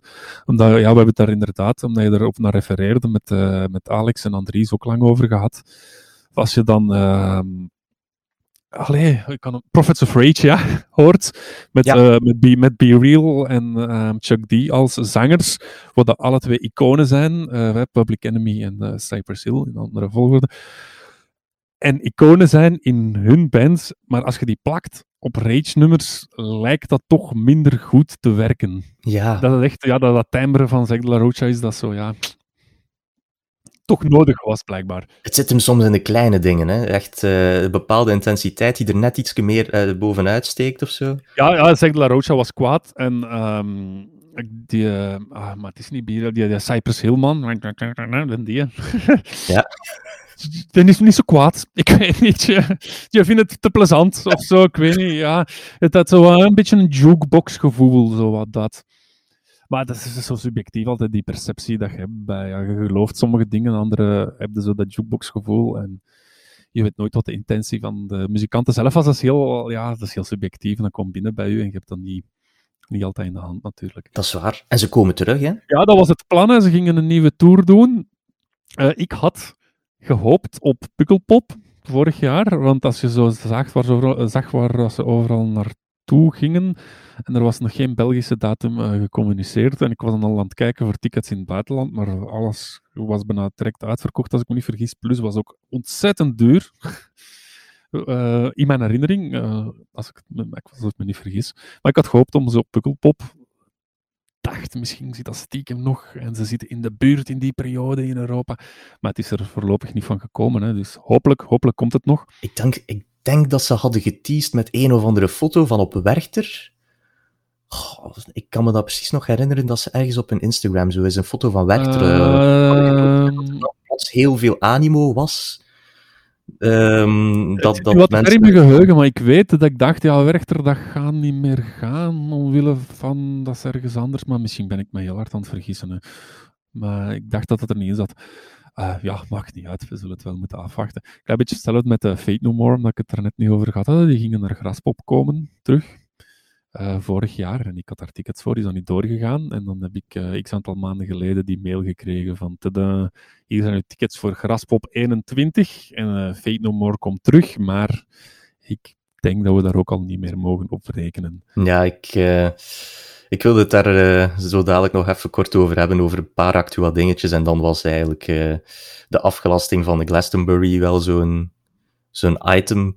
Uh, jij vreest er ook voor dat festivalzomer 2021... ik vrees dat dat in het water gaat vallen, ja. Misschien is ook wat de reflex dat vele mensen stil aan hebben, is van we zullen het maar zo negatief mogelijk inschatten, dan kan het alleen maar meevallen. Maar ja, zeker, Graspop is in juni, en dan kan je met hoeveel man staat er op die wijk? Zeg nu maar iets 50.000 man van over heel de wereld op een wij staan binnen een paar maanden zie ik niet meteen gebeuren. Maar ik heb nog geen communicatie van, uh, gezien van het festival zelf en die mensen zullen daar wel dag en nacht mee bezig zijn en zich informeren. Dus zij zullen het veel beter weten allicht. Ik, ben, ik heb in het afgelopen jaar dan één optreden gedaan. Zijn de, ben ik twee avonden geweest. Jas Middelheim ben ik geweest. En zelfs, ja, was ik blij dat ik nog eens naar een optreden kan. Dat was dan buiten in een soort open tent. Het was slecht weer. Je zit aan de tafeltjes heel ver uit elkaar. En enerzijds ben je blij dat je nog eens naar muziek kan. En anderzijds zat je continu met dat gevoel van dit is het nu toch het niet. Dat zoveel leuker kunnen zijn in een andere situatie. Inderdaad. Ja, ik, ik heb het zelf moeten missen, helaas. Uh, ik, ik had het idee van, uh, wanneer was het? Ik denk in oktober, dacht ik ergens begin oktober naar Faces on TV te gaan in, in de vooruit. Ook zo coronaproof als het maar kan. Maar het, ja, ik denk uh, dat het, of was het begin november? Het was alleszins, ik denk door, door het begin van de tweede lockdown dat het volledig in het water viel. Um, dus ja, zijn er, wat zag je zelf eigenlijk vorig jaar allemaal sneuvelen uh, qua optredens? Wat had je, wat had je gepland? Ik weet het al niet meer eigenlijk. Het is al zo. het is graspop is het enige wat ik me echt nog herinner. Dat, ja. Ik ben ook niet iemand die gigantisch lang op voorhand plant. Tenzij dat echt een band of een muzikant is die ik heel graag wil zien. Maar ik kan zo wel eens meespringen als iemand zegt: Ik ga volgende week naar Huppel de Pub. Ga je niet mee? Ah ja, tof. Dus uh, dat ik echt grote plannen heb door mijn neus zien voorbij gaan, dat weet ik nu niet meer van buiten. Maar gewoon een algemeen gevoel van, ja, jammer. Inderdaad, inderdaad. En, en zeg je dan bijvoorbeeld zo van die virtuele show zoiets? Uh, want dat is nu zo'n beetje aan het opkomen, ook dit jaar weer. Uh, livestreams van festivals zelfs, of, of iets wat erop moet lijken. Nee, eigenlijk niet. ja, nee. Denk niet dat ik een livestream al gezien heb. Heel de... Ik kijk heel veel naar, uh, naar YouTube-filmpjes van optredens uh, op mijn tempo, wanneer dat ik zelf film. Maar zo'n stream heb ik nog nooit niet meegepikt. Ik weet ook niet goed waarom. Zo ja, op een wel bepaald moment daar achter de computer moeten gaan zitten. Het is toch niet hetzelfde als de, als de beleving van daar ter plekke te zijn, natuurlijk. Ja, wel. Zeker, zeker als het bijvoorbeeld gaat om, om artiesten als Rage Against the Machine. Denk ja, tuurlijk, ik, tuurlijk. Als je het hardere genre... Uh, dat is iets tot, ja, dat, dat kunnen niet. Dat is, dat is anders. Alhoewel, dat ik, nog wel, ik vind het wel leuk om naar YouTube-clipjes te kijken van, uh, ook van harde bands die aan het spelen zijn. Maar om nu te zeggen, ik ga morgen om 8 uur voor de live. Ja, pas op, Rage Against the Machine is wel een geval apart. Mochten die nu morgen zeggen van we gaan een livestream doen, denk, denk wel dat ik zou kijken. een geval apart. Het, het, het, het, enige andere actueel dingetje dat ik eigenlijk had staan was, uh, ja, we moeten ons dan maar optrekken aan, aan andere live optredens. En dan dacht ik plots aan uh, de, de, de show, enfin show, het optreden dat Lady Gaga gaf op de inauguratie van uh, Joe Biden. Ja, ja. Ik vond het wel een goede performance, moet ik wel zeggen. Ik vond het opvallend goed, want ik zat al zelf met een, een soort van... Um, ik, ik vreesde voor, voor een soort van uh, Madonna toestand zoals we twee jaar geleden zagen op het Eurovisie Songfestival. Ja, ik denk dat, dat Lady Gaga vocaal gezien toch zeker op dit moment in de carrière van beide dames een streepje sterker staat dan uh, Madonna. Het, het, het is iets waar dat we ons aan kunnen optrekken, zeker in deze tijden. Um, maar muzikaal gewijs in coronatijden, weet, je, weet je zelf wat, wat te plezieren? Luister, luister je meer naar, naar muziek gewoon? Ja, ik luister nog altijd heel veel. Uh, minder er, ja, zoals ik in het begin van de, de podcast zei, niet de meest recente dingen allemaal. Ik merk bij mezelf, als ik het voorbije jaar en uh, mijn playlists bekijk en waar dat ik op Spotify naar geluisterd heb, heb ik inderdaad een heel vreemde tweedeling. Ik heb heel veel jazz beluisterd en uh, heel veel harde gitaren. Die twee. Ja, en hecht je veel belang dan aan verhalen binnen het nummer? Of, Hoe bedoel je? Als in de teksten. Ik, ik, ik ben wel een tekstenman ook, ja. Ik, ja, ik merk bij mezelf dat dat heel lastig is om, om uh, te combineren of zo. Um, ik ben iemand die nogal vaak voor, voor de groove gaat in, in nummers en artiesten. Ja, ja natuurlijk. Als ik uh, spreek over jazz, is heel vaak uh, instrumentaal, dus dat is iets anders. als ik spreek over pop, rock en alle aanverwanten, hou ik wel van een goede tekst. Ja. want je zegt, ik kan moeilijk combineren, maar sommige dingen zijn ook goed om, mede goed omwille van de tekst. Uh, ja, heel de, ik kan misschien een uh, gemakkelijk voorbeeld geven. Uh, als je de plaat Murder Ballads van Nick Cave is, draagt echt op de teksten gewoon. het heeft ook een geweldige sound, heeft een heel bijzondere sfeer. Ja, ik weet sowieso tijdens deze hele podcastreeks gaan er zo van die controversiële meningen van mijn kant komen. En dat is nu al zo ene oh, Nick Cave, dat kan toch wel een zagenvent zijn, hè? Um, zo, dat gevoel heb ik soms. Uh, ja, ik, ik weet het. Ik weet het. er gaan heel veel mensen nu boos worden. Nee, ik, heb um, ik, heb niet, uh, ik doe niet mee aan de Nick Cave verheerlijking, om het zo te zeggen. Want hij heeft nu ook zo die spoken word dingen, of ja, hoe moet je dat noemen? Zo, een evening with Nick Cave was het dat? Zodat hij wat, wat, dingen kwam vertellen en zo. En ik zag ook op Twitter, mensen gingen compleet door het dak en dat ding was direct uitverkocht. En ik hou van uh, verschillende platen van Nick Cave die ik super goed vind. Ik heb geen noodzaak om een babbel te doen met Nick Cave. Oké, daar daar, heb ik dan meer sympathie voor of zo, omdat hij dan wil proberen banden met zijn fans. Uh, ik vind dat nog iets anders dan, dan gewoon puur een optreden ja, of zo. Ik heb er sympathie voor en ik vind dat wel tof en dat kan best een hele intelligente en innemende man zijn, maar ik, ja, ik, dat hoeft niet echt voor mij en op den duur wordt het dan een soort guru precies van mensen die daar echt heel lyrisch over doen en goh, ja. Wat ik uh, van die cave heel bijzonder en geweldig vind, is een van die zangers die erin slaagt om supergoed te zijn, terwijl hij eigenlijk niet echt kan zingen, als we eerlijk moeten zijn. Hij zingt heel vaak naast de toon, is technisch gezien geen goed geschoolde zanger. Maar zijn nummers en het verhaal dat hij wil vertellen, zijn dan op die manier gebracht dat het toch klopt op een of andere manier. Nu, ik heb ook wel bepaalde platen van Cave die ik super vind. Er zijn er ook een deel die minder en ook het meest, meer centerwerk ben ik niet zo ingedoken, moet ik zeggen. Dus ik ben geen uh, superfan die elk nummer van voor tot achter kent, maar uh, ja, de platen Let Love In. Uh, Boat My Skull is voor mij heel belangrijk geweest, een heel goede plaat. Murder Ballads, ik ben nog dingen aan het vergeten. Henry's Dream, ja, die vind ik wel super. Ja, ik ken iets meer van, van het recentere werk. Op uitzonderingen van The Boatman's Call. Dus dat zeker zo'n plaat. Ik, ik snap waarom dat hij hem heeft gemaakt. Dan spreek ik over Skeleton Tree. Ja. De, de, de, de tragiek en, en de, de, allee, de, het verhaal dat erachter zit, is natuurlijk echt hartverscheurend. Als ik me niet vergis, was het uh, gemaakt omwille van de, het overlijden van zijn zoon, die ja. van de rots was gevallen. Ik denk dat zoiets was. Uh, ik denk 15 jaar zoiets. En hij uh, is gevallen van een rots. Ja, het was een rouwplaat. Hè. Ze heeft mij, ik heb er ook nooit echt ingedoken. Ik weet dat heel veel mensen er wild van zijn en heel lyrisch van hoe fantastische plaat dat is. Ik heb ze nog niet goed genoeg onder de loep genomen. Ja, ik, ik merk, allee, ik denk wel dat dat ook nog wel kan helpen. Gewoon extra levenservaring naar mij toe. Ik heb zo het gevoel dat, dat als ik bijvoorbeeld 50 jaar ben, dat ik zulke platen meer ga waarderen of zo, denk ik. Dat kan.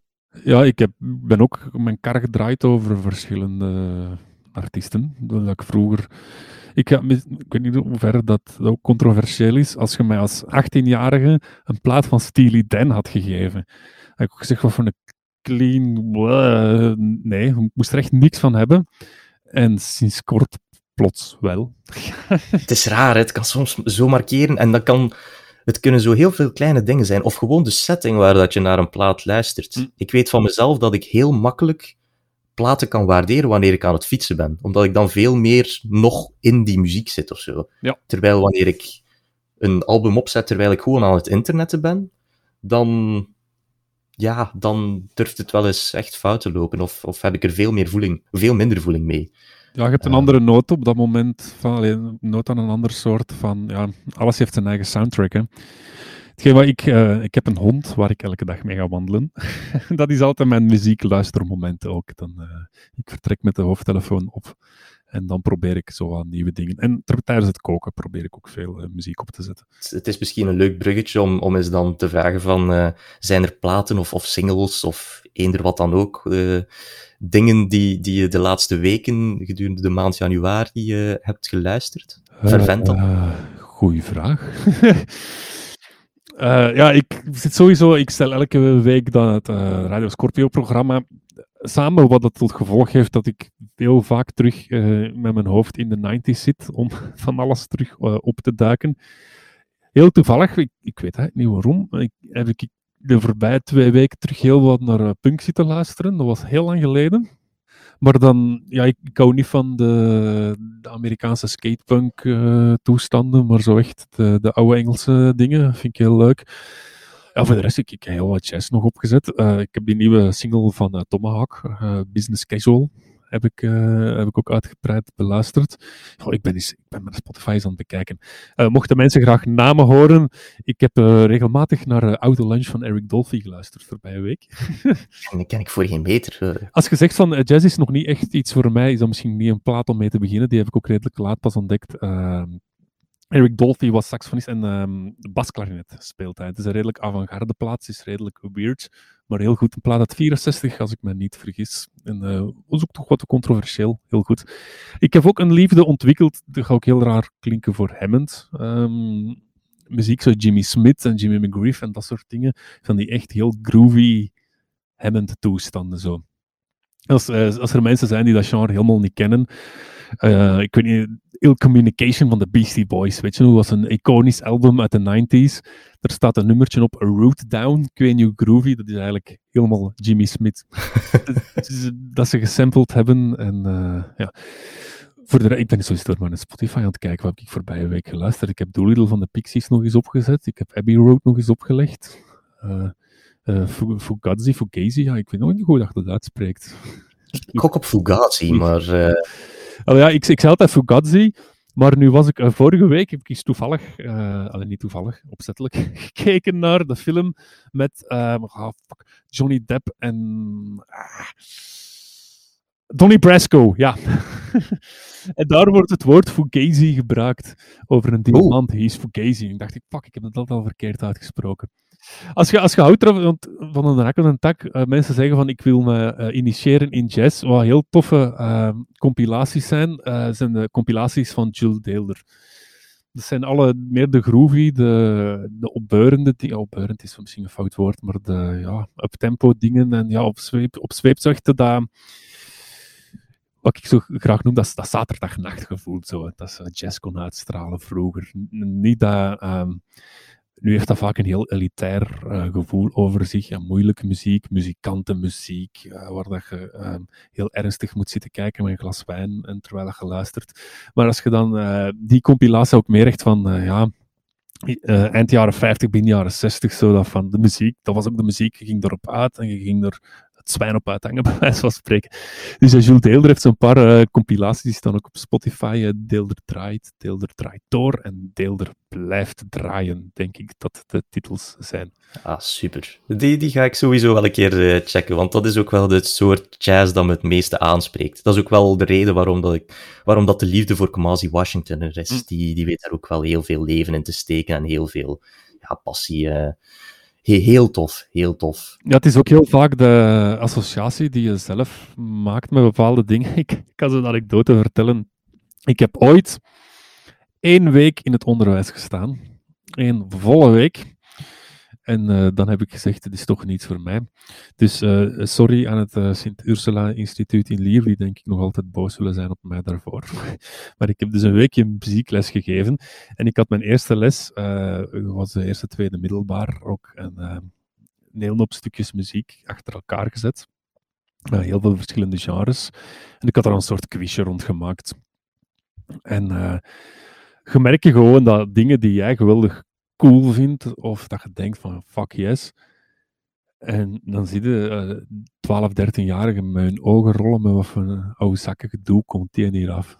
dat is hetgeen wat ik associeer met zaterdagnacht en wildheid. En daarom niet alleen in jazz, maar ook dingen van rock en zo. En ja, voor die gasten, dat is ook logisch. Hè, van, waar kom jij mee af? een, een, pijnlijke, een pijnlijke vaststelling, als het ware.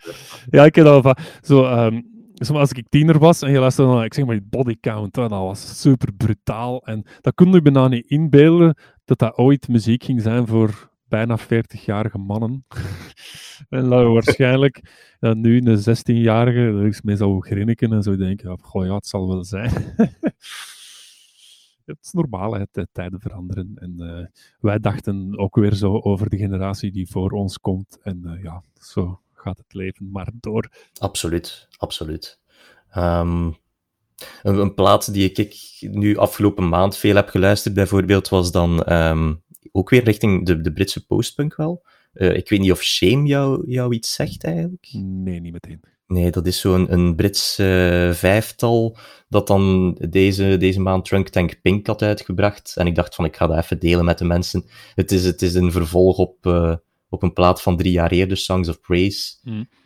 Um, die, en en de, een van de redenen waarom dat ik de band heel erg tof vind, is omdat ze ook wel op een bepaalde manier proberen de banden, te banden met hun fans. Omdat ze dan mede door coronatijden, een livestream op YouTube hadden uitgebracht, uh, of hebben gedaan van 12 uur, waarbij dat ze ook op bepaalde momenten een, um, enkele fans gewoon echt uh, in hun Zoom-call lieten, uh, lieten binnenkomen om vragen te stellen over allerhande zaken. En ik dacht bij mezelf van, goh, misschien moet ik dat toch eens proberen, proberen binnen te geraken. Het is helaas niet gelukt ik dacht van, oh, misschien kan dit wel een leuke uitsmijter zijn voor, voor de podcast. Gewoon een interview. You never know. Maar uh, helaas. Um, ik vind het wel geestig dat je dan nu meldt van hè, dat bonden met die fans. Dat, als ik het goed begrijp, dat vind je wel belangrijk. Dat vind je wel heel leuk. Uh, allee, leuk is wat een, uh, een lichtzinnig woord, maar je vindt, dat, je vindt dat belangrijk, als ik het goed begrijp? Ja, belangrijk is misschien een groot woord, maar ik vind dat wel tof. Of, of tof, ja. Het, het, kunnen maar kleine gebaren zijn. Bijvoorbeeld uh, Maarten de Volderen van Balthazar. Ja. Um, de, de man heeft dan ook zijn soloproject met Warhouse. Uh, heb ik heel vaak gezien. En een, een, een, van die keren was in de casino in Sint-Niklaas. En ik kan me nog herinneren dat, uh, dat ik toen samen met een goede maat op de eerste rij stond. En om een of andere gekke reden dacht hij bij zichzelf van kom, ik ga gewoon een keer de hele eerste rij een hand geven. En het kunnen zo van die kleine dingen zijn die, die iets net iets ja, iets specialer maken, zal ik maar zeggen. Oké, dat snap ik. Uh, ik haal het aan omdat ik me soms afvraag. Uh, je staat nu veel dichter bij de artiesten door, ja, vooral door social media. En, um, ik weet niet dat ik dat wel altijd wil. Oeh. Um, zijn de, de magie van een artiest was vroeger, had, dat had toch ook wel iets. Uh, mijn gemakkelijkste voorbeeld, daar straks die Rage Against the Machine. Ik had daar al eens een foto van gezien, ergens in, het zal niet Joepie zijn, maar toch ergens een tijdschrift. En dat was het dan ook. En ik denk, dat stond in het boekje nu zo'n klein foto, dat was het. En dan kwamen die op Pinkpop. En Pinkpop uh, zenden ze toen uit integraal, op Nederland 3 was dat toen. En Rage Against the Machine kwam dus spelen. Hè, en dat was dan de eerste keer, oh, zo zien die eruit. En wauw, en had ze het heel magisch. En dan waren die weg. En verder wisten daar ook niet zo gek veel van. Je kon geen Wikipedia-pagina gaan opzoeken van waar zijn die geboren en wat en hoe. En dat had toch ook wel iets bijzonder, vond ik, zo wat dat magische. Want uiteindelijk, uiteraard, elke muzikant is ook gewoon maar een mens met zijn onzekerheden. En net zoals jij en ik. Maar dat mag ik, soms vraag ik me af, is dat een klein beetje weg?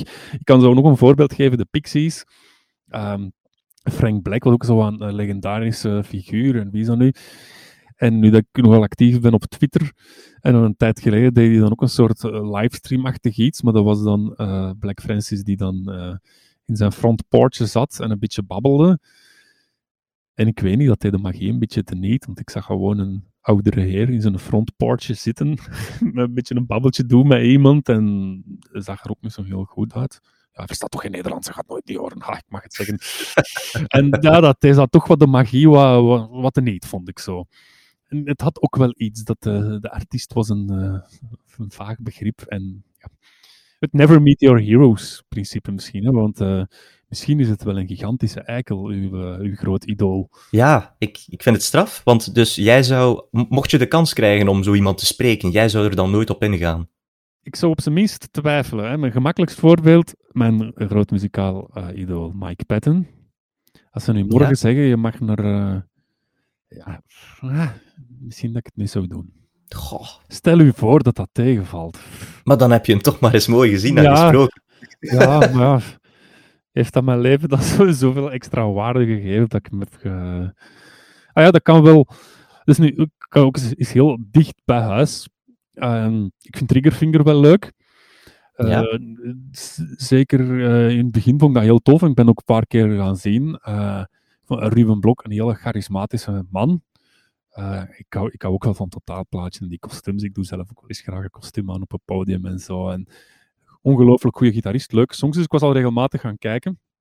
En uh, het eerste seizoen van onze theatertour, van de, de, de plaatje De Kringwinkel in Merksem, uh, kom af. En uh, van het podium. Uh, dat show is gedaan. Ik kleed me om en ik kom in zo in de backstage ruimte waar dat je iets kan drinken. En Ruben Blok zit daar in onze backstage, want was is wat bevriend met, uh, met Jan en die was komen kijken.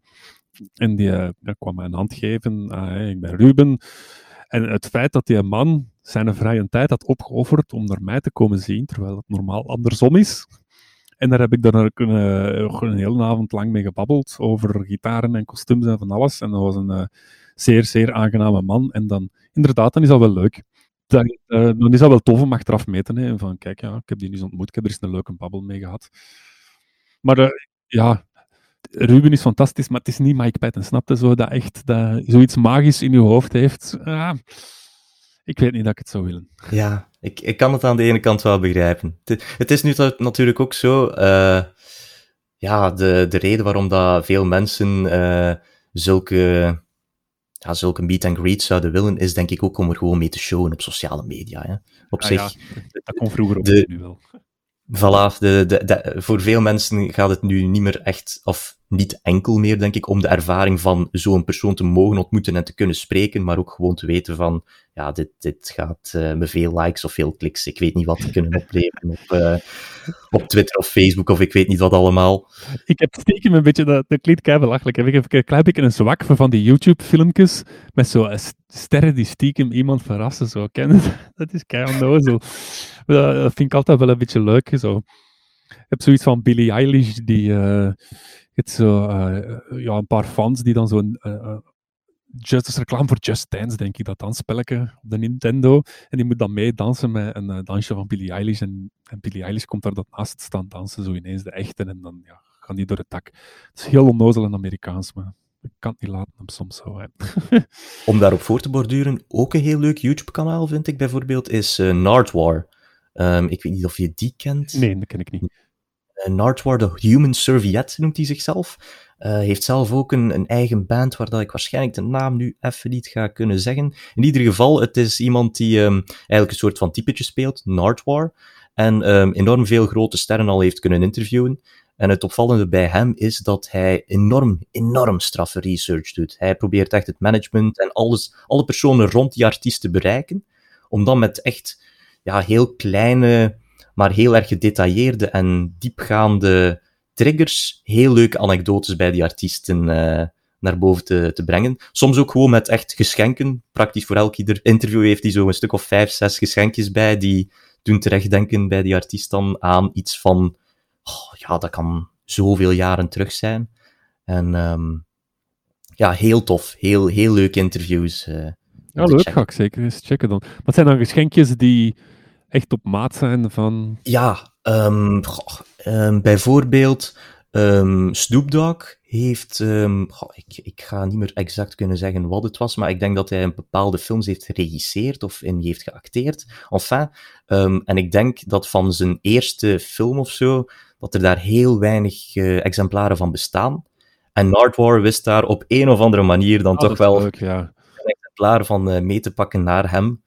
En uh, er is ook een bepaalde, allee, bepaalde appreciatie van uh, Snoop Dogg naar die man toe. Uh, die hebben elkaar ook al een stuk of vijf, zes keer gezien. Dus uh, dat is, allee, voor veel artiesten is dat ook gewoon een heel speciaal interview ja. die, die ze nou aan het hart hebben liggen. Oh, tof. Wat, ik moet er nu aan denken, wat je zegt van geschenken. Ik, mijn excuses als ik de toedracht toch fout herinner. Maar ik denk dat ze die op Brussel ooit eens een uh, gitaar aan Dave Kroll heeft cadeau gedaan. En dan heb ik wel zoiets van, dat is een multimiljonair en die heeft gitaarsponsors waarschijnlijk. Die moet waarschijnlijk maar eens bellen naar Gibson om te zeggen van ik wil een nieuwe dit. Waarom ga je die man nog een extra gitaar? ja. Ik had ze beter kunnen gebruiken. Die waar. Hij kan er meer dingen mee doen dan ik. Sorry, dat is een, eh, een, herinnering die door mijn hoofd schoot. Maakt niet uit. Hij mag zoveel gitaren hebben als hij wil. Geen enkel probleem mee. Wie weet dat volgende maand iemand van Studio Brussel in de, in de podcast zit. Dan kan ik het eens vragen. You never know. Maakt niet uit. Ze doen maar. Geen probleem mee. Voilà. Oké, um, ik heb hier enkel nog eigenlijk een soort van vooruitblik op februari 2021 die ik maandelijks doe. Ik ga daar gewoon eens heel snel doorgaan. Uh, voor mensen die dan toch nog aan het einde van de podcast zijn geraakt. Want ik vermoed dat dit in dit geval vlotter zal gegaan zijn dan bij de eerste, want die was echt wel bijzonder lang. Dit valt nog net ietsje beter mee, Ehm, op 5 februari zijn er albums van Black Country New Road, wat een redelijk nieuwe band is, maar dan mij werd aangeraden door Arthur in de vorige podcast. De nieuwe van, ah, grappig genoeg, de Foo Fighters op 5 Ah, ja. februari. Ehm, psych- psychedelic Porn Crumpets, Smith Burroughs, TV Priest, wat meer ehm, eh, in lijn ligt met eh, de Britse postpunk bands als eh, Shame. Op 12 februari is er God as, is an Astronaut and The Pretty Reckless. Op 19 februari is er Escape the Fate, Julia Stone. Daar ben ik wel heel erg benieuwd naar. Eh Mogwai komt nog eens met een plaat uit. Ja. Tashul Ta- eh, The Hold Steady en Wild Pink. En 26 februari zijn er onder meer eh, Alice Cooper. ehm, Alice Cooper, ja. Alice Cooper met Detroit Stories. Jawel. Ik denk dat het zijn... dat moet al intussen zijn 28ste zijn, Ja, blijkbaar. ja, geweldig. Het had daar een beetje een sympathie voor Alice Cooper gehad. Ja? Al is maar door zijn... eh, hij is ontdekt door Zappa, als ik me niet vergis. Hè? Is dat? Dat, ja, dat, dat Frank Zappa eh, tegen het raad hij was, toch zeg maar eh, een beetje irriteerde in veel hippies. En dat dan wel leuk vond dat er dan plots zo'n theatrale hardrocker in Speder plots stond. Ja, moet, ik- moet ik nog eens opzoeken dat dat juist zat. Of eh, voor de geïnteresseerden kunnen dat altijd eens googlen. Ik denk dat Alice Cooper op sleeptouw is genomen geweest door Frank Zappa. En heeft ook goede nummers, hè. Ja, absoluut. Dus ik, ik ga deze ook nog eens in de gaten houden. Al weet ik niet of dat zijn recenter werk ook even, even straf gaat zijn. Dat durft wel eens af te zwakken, weet ik. Maar kijk. Ja, ik, En- ik ben ook grote eh, gelover in het concept momentum. ja. ja, dat is soms als een bepaalde band in een bepaalde samenstelling met die bepaalde mensen op dat moment heeft voor een geweldig resultaat gezorgd. En tien jaar nadien kan dat plots niet meer werken. Of je zet er een en andere bij, of er is iets gebeurd en plots is het weg. Ja, En dat heeft vaak geen aanwijsbare reden. Het is niet dat dat slechtere muzikanten geworden zijn, of dat misschien zelfs die nummers niet meer... Gewoon, ja, het is, het is weg. En bij anderen kan dat heel lang blijven aanslepen, natuurlijk. Maar eh, ja, ik, ik kan me wel begrijpen als artiest zijnde dat het heel moeilijk is om je te bedwingen op zulke momenten. Ehm, wat bedoel je? Op zich wil je gewoon blijven muziek Ja. maken. Hè? En eh, waarschijnlijk ook moet dat dan gepaard gaan. ah, Of eh, optredens zullen dan ook moeten gepaard gaan met nieuwe platen, vermoedelijk. eh. dus Ja, ik lastig. vind het ook wel eh, interessant van hoe dat je daar als muzikant zelf mee omgaat. Van, eh, hoe zou ik denk dat, eh, dat ik het ooit had gelezen in een interview met eh, Jean Blouten. Dat hij zei van, eh, mensen zeggen vaak beter een has been dan een never was, maar ik ben er nog niet zo zeker van, omdat applaus heel verslavend werkt. En omdat je dat heel vaak tegenkomt van mensen die een bepaalde vorm van succes hebben in hun eh, carrière, zelfs niet muzikaal, maakt het zich niet uit. En dan op een bepaald moment gaat dat terug, gaat dat wat minderen. En dan moet je zelf goed je klik kunnen maken van, heb ik nog dat plezier in dat creëren, wat ik zelf doe? Of ga ik er echt aan ten onder? Hè? Want er zijn veel mensen die daar eh, compleet aan kapot gaan. En eh, ik denk bijvoorbeeld zo'n een voorbeeld in, in goede zin dan, kan je kijken naar een band zoals eh, Therapy, die in de jaren negentig echt op de gigantische Werchterfestival stonden en even heel hot waren. En dan iets gezakt zijn, maar gewoon bezig gebleven zijn. En dan een, qua publiek aantal een paar segmenten naar beneden geweest zijn, gegaan zijn, maar er gewoon, toch gewoon doorgaan, omdat je dan, denk dat je de klik kunt maken en zegt van, ik maak die muziek voor een groot deel voor mezelf, omdat ik het leuk vind. En nu staat er 5000 man op te kijken in plaats van 50.000. Ja, dan is dat maar zo. Dat, ja, ja, je hoort dat ze so- soms als er een artiest terugkomt, eh, of, of als, ik zeg maar iets, de Rolling Stones weer al een nieuwe plaat hebben, van zeg, moeten die mannen niet stoppen, of wordt het niet gênant? Of die, ja, nee, als die gasten dat graag doen, doen, hè. Je moet niet het is luisteren. dat, hè. geeft mij misschien ook nog eens de kans om ze live te zien. Wie weet dat dat, Ah, ja. eh, wie weet dat er ooit nog eens van komt. Ik, ik heb het zelf nog nooit eh, mogen meemaken. Met, allee, eh, dat geldt voor heel veel belangrijke bands. eh, maar kijk, dat eh, heeft misschien iets meer te maken met mijn leeftijd dan wat anders. Ja, ik heb de Stones ook nog niet gezien. Ik weet niet dat ik het, want ik, ik hoor het graag, maar ik weet ook niet dat het moet. Ja, soms zijn er van die bands die, eh, ja. Ik zei over momenten, moet bijvoorbeeld denken, ik was in mijn tienerjaren ook grote fan van The Doors. Ja. Eh, zoals je uiteraard weet, is eh, Jim Morrison komen te gaan. Lang voordat ik er was. En dan hebben ze ooit nog eens eh, gespeeld.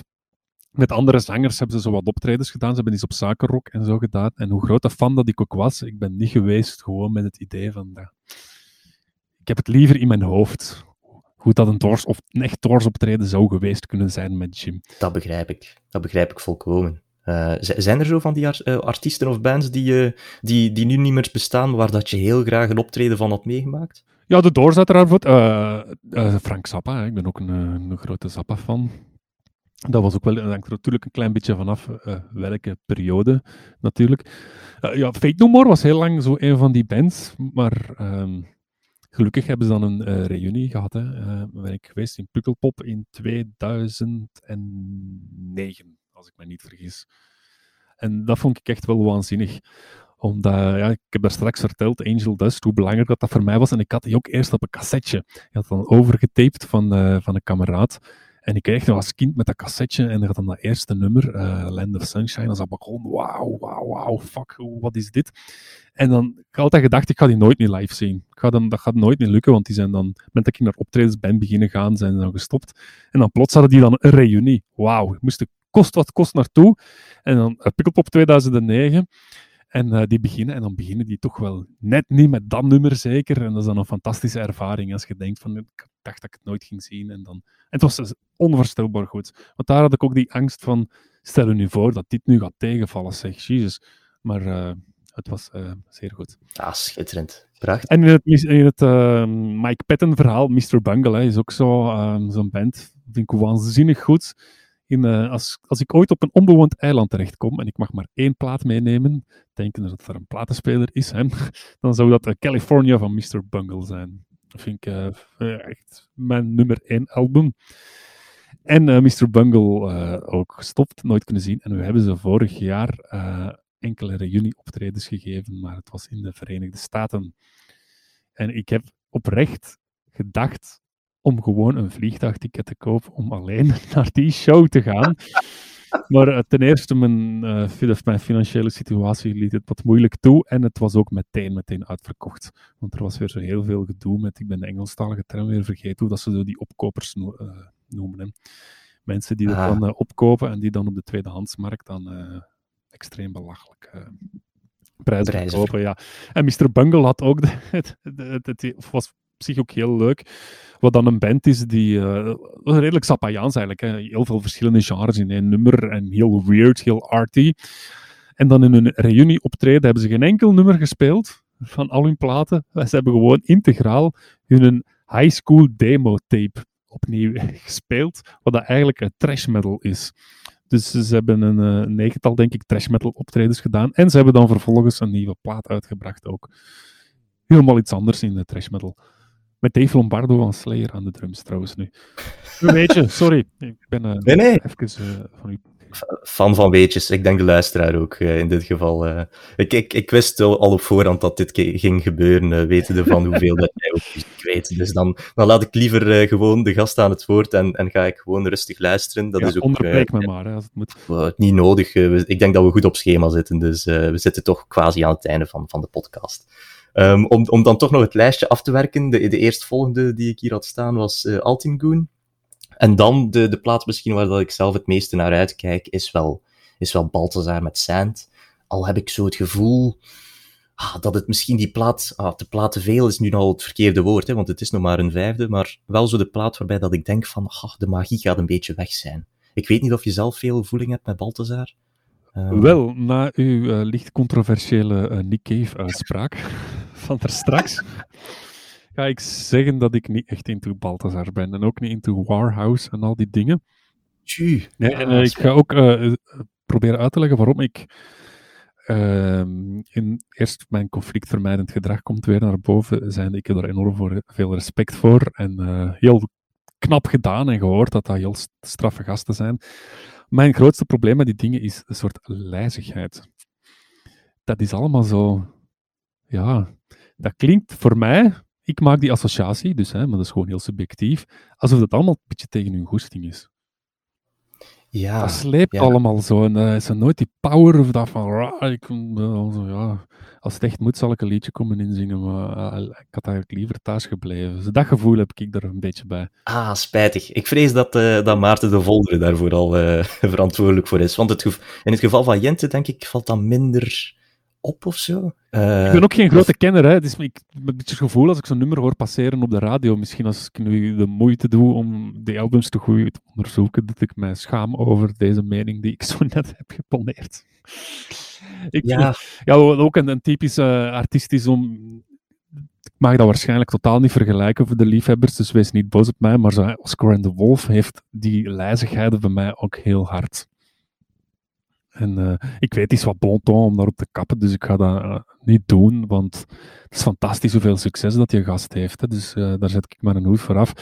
Maar daar heb ik dat gevoel ook zo, waarom moet het allemaal zo... boh, en is er dan bijvoorbeeld een, een appreciatie voor Deus? Ja, Wel, al moet ik zeggen, de Deus van In a Bar Under the Sea vond ik fantastisch. Maar echt onvoorstelbaar goede plaat. Worst case scenario ook. Eh, dan heb je de Ideal Crash, is iets helemaal anders, maar vind ik ook nog zeer goed. Al is dat heel hard gekleurd door de herinneringen die ik associeer met die plaat. Alhoewel, ja, ik ben iemand die ook totaal wild is van het eh, einddeel van eh, Instant Street. Echt super. Wat daarachter gebeurd is, heb ik minder gevolgd en dat kon mij minder boeien. Maar wederom, dat is misschien ook de periode van mijn leven waar ik in zat of zit, of dat zal meer aan mij liggen dan aan de band, denk ik. Ja, ik, ik heb wel de, de indruk dat ook eh, voor heel veel mensen de eerste drie platen wel echt zo de platen waren van Deus. En dat het dan allemaal een beetje minder werd. Niet om te zeggen dat het slecht was, maar gewoon een beetje minder. Ja, het werd dan een dat we- beetje een andere band, denk ik. Natuurlijk, de bezetting is ook... eh, En ik maak... Ja, ik, ik hou nogal van eh, verhaaltjes maken in mijn kop die misschien totaal niet kloppen. Dus ah, mocht een bandlid dit ooit horen, sorry dat het totaal mis is. Maar in mijn hoofd gaat dat dan... maar het zeker mijn worst case scenario was Rudy Trouvé er ook nog bij. Hij had dan eh, Stef Camille Carles en dan Tom Barman. En dat dat een soort mensen, in de positieve zin van het woord, waren, die dan tegeneen moesten boksen en dat wrong en dat dit en dat dat dan net dat ultieme moment- momentum, hier ben ik weer, was, dat dan, maar tijdens In the War Under the Sea was Rudy Trouvé wel weer weg, denk ik. Maar gewoon die chemie, dat is het woord, tussen die mensen, dat dat iets bijzonder was. En dan is eh, Stef Camille vertrokken en zijn er wat personeelswissels geweest. En dat dan die nieuwe, dat een beetje een nieuwe band is, dat minder mijn, eh, mijn smaak was. Ja, ik, in mijn geval is het zo dat ik eh, Deus eigenlijk pas heb ontdekt, enfin ontdekt, heb eh, doorgrond ehm, sinds vorig jaar. Toen heb ik eens gezegd van kom, ik ga die volledige discografie eens checken. En wat mij opviel was eh, dat, bij de, dat mijn eerste indruk van elke plaat ertoe leidde dat ehm, ik meer appreciatie had aanvankelijk voor de, de latere platen en ehm, dat, dat de eerste platen niet meteen zo een, ehm, een straffe indruk nalieten. Al heb ik nu wel de indruk, nu dat ik alles nog een keer extra aan het luisteren ben, dat, dat het allemaal groeiplaten blijken te zijn, vooral die, die eerste drie. Ehm, bijvoorbeeld een nummer als Instant Street, daar, daar had ik aanvankelijk ook vrij weinig mee, maar dan, hoe vaker je er naar luistert en hoe meer settings je, je, je meekrijgt gedurende het, het, eh, het luisteren van dat lied, hoe, hoe indrukwekkender alles begint te klinken. En ehm, wat ook altijd kan helpen, is een live versie. En het, het grappige ding is dat ik, eh, ik denk dat het gisteren was of zo, dat eh Joël de Keulaar toevallig op Twitter nog een live versie van Insta Street had gepost. Ah ja, ik heb het ook gezien, want hij was boos dat het op Radio 1 was afgebroken tijdens de solo, denk ik. Ja, inderdaad. En dan dacht ik van, kom, we gaan dat filmpje eens bekijken. En eh, ja, dan kan ik wel zijn frustratie begrijpen op zich. En eh, qua Belgische bands nog een tip voor wie ervan houdt. Um, Groepo Di Pavlovski vind ik fantastisch. Vooral de eerste plaat, uh, Neutral Village Massacre, heb ik ook op vinyl. Dat vind ik onvoorstelbaar goed. Je moet ervan houden, want het is uh, een beetje weird-ass shizzle, zoals, zoals ik meen te zeggen. Maar dat vind ik, vind echt een hele, hele goede band. Maar ja, dat zal iets minder, iets minder makkelijk in het oor klinkend, waardoor het ook niet meteen veel airplay zal krijgen. Maar heel, heel straffe groep. Ik heb ooit met mijn band in hun voorprogramma eens een keertje mogen spelen, dus ik heb ze dan daarna ook live gezien. En dat was echt uh, zeer, zeer goed. Pascal de Wezen speelde er toen ook bij. En dat was een heel, een heel spektakel. er gebeurde heel veel op het podium, zullen we zeggen. Ja. En voor de mensen die het niet zouden weten, jouw band heet Kill Your Trout, natuurlijk. Ja. De, de Northstruck Band. Waar we het eigenlijk totaal niet hebben over gehad. Dat is niet erg, dat ligt ook al verschillende jaren wat uh, in de zetel. Niet veel aan het doen. Ah, oké. Ik wilde net vragen, is, is, er een soort van comeback mogelijk op, uh, op kortere termijn? Maar... Uh, ja, op kortere termijn sowieso niet. Zal er ooit nog wel eens van komen. Maar ja, zoals dat gaat in bands, wordt iedereen wat ouder en heeft iedereen een uh, druk professioneel en gezinsleven. Waar je vroeger 16, 17 was en alle tijd van de wereld had om te repeteren, zit je nu met bandleden die kinderen hebben en een drukke job. En ja, dan is het al een keertje wat moeilijk. Dat is volledig begrijpelijk natuurlijk. Maar kijk, um, ik ga gewoon nog eens snel mijn lijstje afmaken. Hier uh, Blank Mass, Cloud Nothings, Julian Baker, ben ik ook wel benieuwd naar. Dat is ook zo iemand uit de strekking van de indie rock chicks die, die de laatste jaren uh, als paddenstoelen uit de grond schieten. Um, en waar ik enorm veel sympathie voor heb. Um, Maximo Park, Melvins. Oh, en, ja, en ik ben Melvins van. Ja? Heel grote Melvins. Allee, ja, toch wel. Ook al zoveel uitgebracht, dus ik kan onmogelijk alle platen kennen. Maar ik, uh, ja, ik vind een heel geweldige band. Ik ben al vier keer live geweest, denk ik, naar de Melvins. Ja? Goh. Ja, en uh, ik ben ook eens naar de Van Thomas Melvins Big Band gaan zien, wat ook fantastisch optreden was. Dus um, was eigenlijk uh, Van Thomas, een band met uh, Mike Patton, alweer.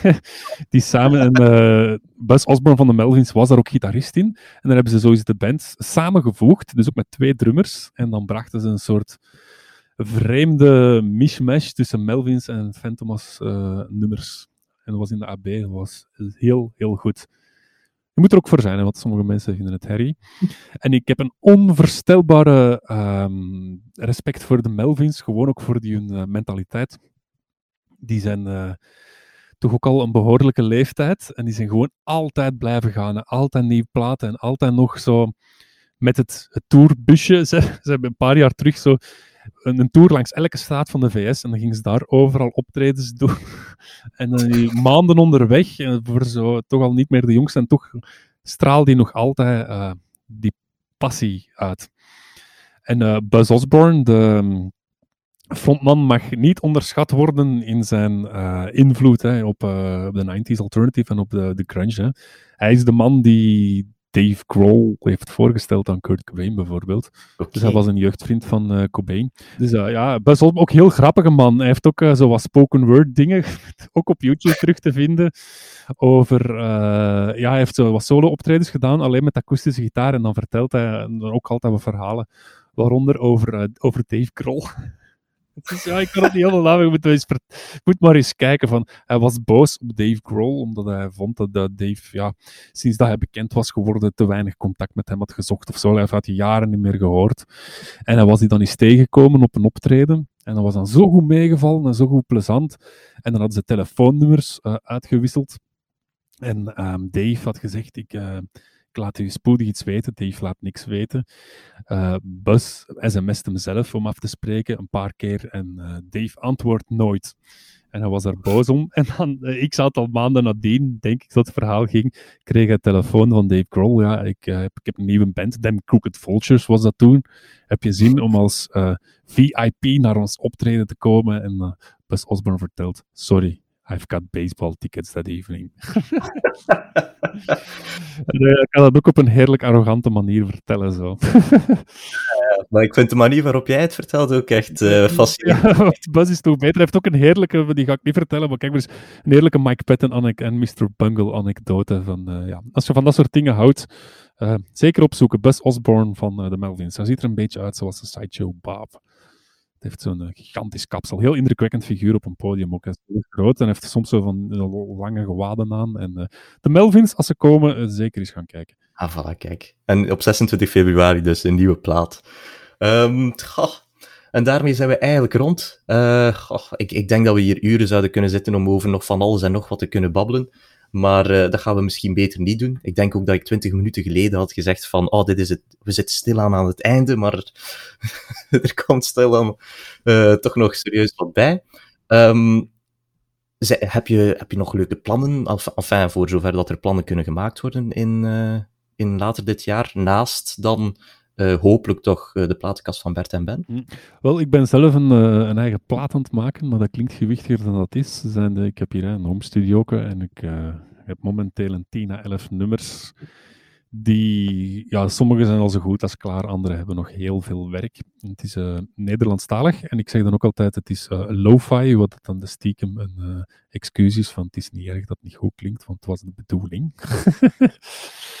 en het gaat een plaats zijn die zeer weinig mensen goed zullen vinden, denk ik mezelf al in op voorhand, omdat het redelijk eigenwijs is. En ik ja, zwart, ik ben ermee bezig. Ik vind het leuk, al is, al is het maar om daar uh, mijn eind kwijt te kunnen. Dus ik hoop dat ik die ergens in de lente op Spotify kan zwieren. Dat uh, is nog een plannetje. In ieder geval, ik denk ook dat de single dan Het sneeuwt in Brussel is? Of, of, of ja, ja, ja, ja, dat heb ik zo wat, dat, ja, dat is een beetje een single, dat vind je ook al terug op Spotify. Maar dat is ook het enige echt toegankelijke nummer. Ah, oké. Okay. want ja, dat is uiteindelijk een redelijk poppy nummer. En goh ja, soms twijfel ik al, had ik, dat, had ik die al moeten lossen, want het is niet echt representatief voor de rest. Maar dus, ja, bon, zo hou ik mezelf bezig natuurlijk. Dat is absoluut waar. En in deze tijden is dat ook al uh, een heel dankbaar gegeven. Ja. Uh, en het, eh, het, kwam van een tweet, hè. iemand tweette, het sneeuwt in Brussel. Ik dacht, het is een kei leuke songtitel. en dan, hup, gewoon er een volledig nummer Ja, dus mocht maar, bon, mensen luisteren gerust en ik hoop dat je het leuk vindt. Super. Ik ga ze al, alleszins uh, zeker luisteren, dus uh, dat komt helemaal goed. Toppie, dank u wel. En dank u dat ik uh, een beetje moet babbelen in uw podcast, altijd leuk. Ik ben, ik ben vereerd dat ik, dat ik u mocht spreken, echt waar. Ik had vorig jaar, echt waar, vereerd, eerlijk waar. Ik had vorig jaar voor het eerste keer geluisterd naar de plaatbarak en dan gewoon in één druk alle afleveringen geluisterd en oh, dan, hup, ja, we doen het ook gewoon eens, een podcast. Um, ja, het is heel leuk om te maken, maar net bij de Praatbarak had ik ook altijd het gevoel van, terwijl ik bezig was van, is iemand buiten mezelf er eigenlijk in geïnteresseerd, in al dat gezwammen over muziek? Maar uh, ja, het blijft, uh, ik blijf elke week uh, statistieken doorkrijgen, dat het toch meer dan behoorlijk beluisterd wordt, dus mensen blijven hun weg er naartoe vinden. En ja, dat is plezant. Ja, super. Hopelijk komt daar in de nabije toekomst een vervolg aan. Ja, want, toen als, want ik wou er eigenlijk redelijk wat doen deze, ja, het, afgelopen jaar, 2020. En dan is uh, corona gekomen en uh, jij hebt dan nu digitaal opgelotst. En wegens een of andere reden had ik daar echt geen zin in of zo. Of ik, ja, de fut was er zo even uit van. En dan dacht ik, ik ga gewoon wachten tot als ik terug kan. Um, gewoon mensen in levende lijven kan zien. En de heropstart is zo nooit echt gekomen zo. maar het zal nog komen, hopelijk. Laat ons hopen, inderdaad. Um, en bij deze, ja, nogmaals, super bedankt dat je wilde meedoen aan de podcast. Heel graag gedaan. Nee, uh, jij bedankt dat je mij wou, uh, wou uitnodigen. Ah, super. Echt, uh, bij deze ga ik ook nog snel Squadcast bedanken voor mensen die ook goesting hebben om een podcast te maken, maar dat ook noodgedwongen digitaal moeten doen. Ik raad dit platform enorm aan. Nu mag ik hopen gewoon natuurlijk dat deze opname perfect wordt opgenomen en uh, dat dat vlotjes ook door mijn montageprogramma geraakt. Maar normaal gezien, na twee afleveringen, ik heb hiervoor ook al eens een pilot gedaan, um, zou dat ook moeten goedkomen. En natuurlijk, uh, voor de mensen die aan het einde zijn geraakt, heel erg bedankt om te luisteren. Um, en ook degenen die niet aan het einde zijn geraakt natuurlijk, ook super bedankt. En um, wie weet, horen we elkaar of ja, zien, ik ben een YouTuber, hè. zien zeg ik meestal, maar goed. Wie weet, tot een volgende maand. Salutjes.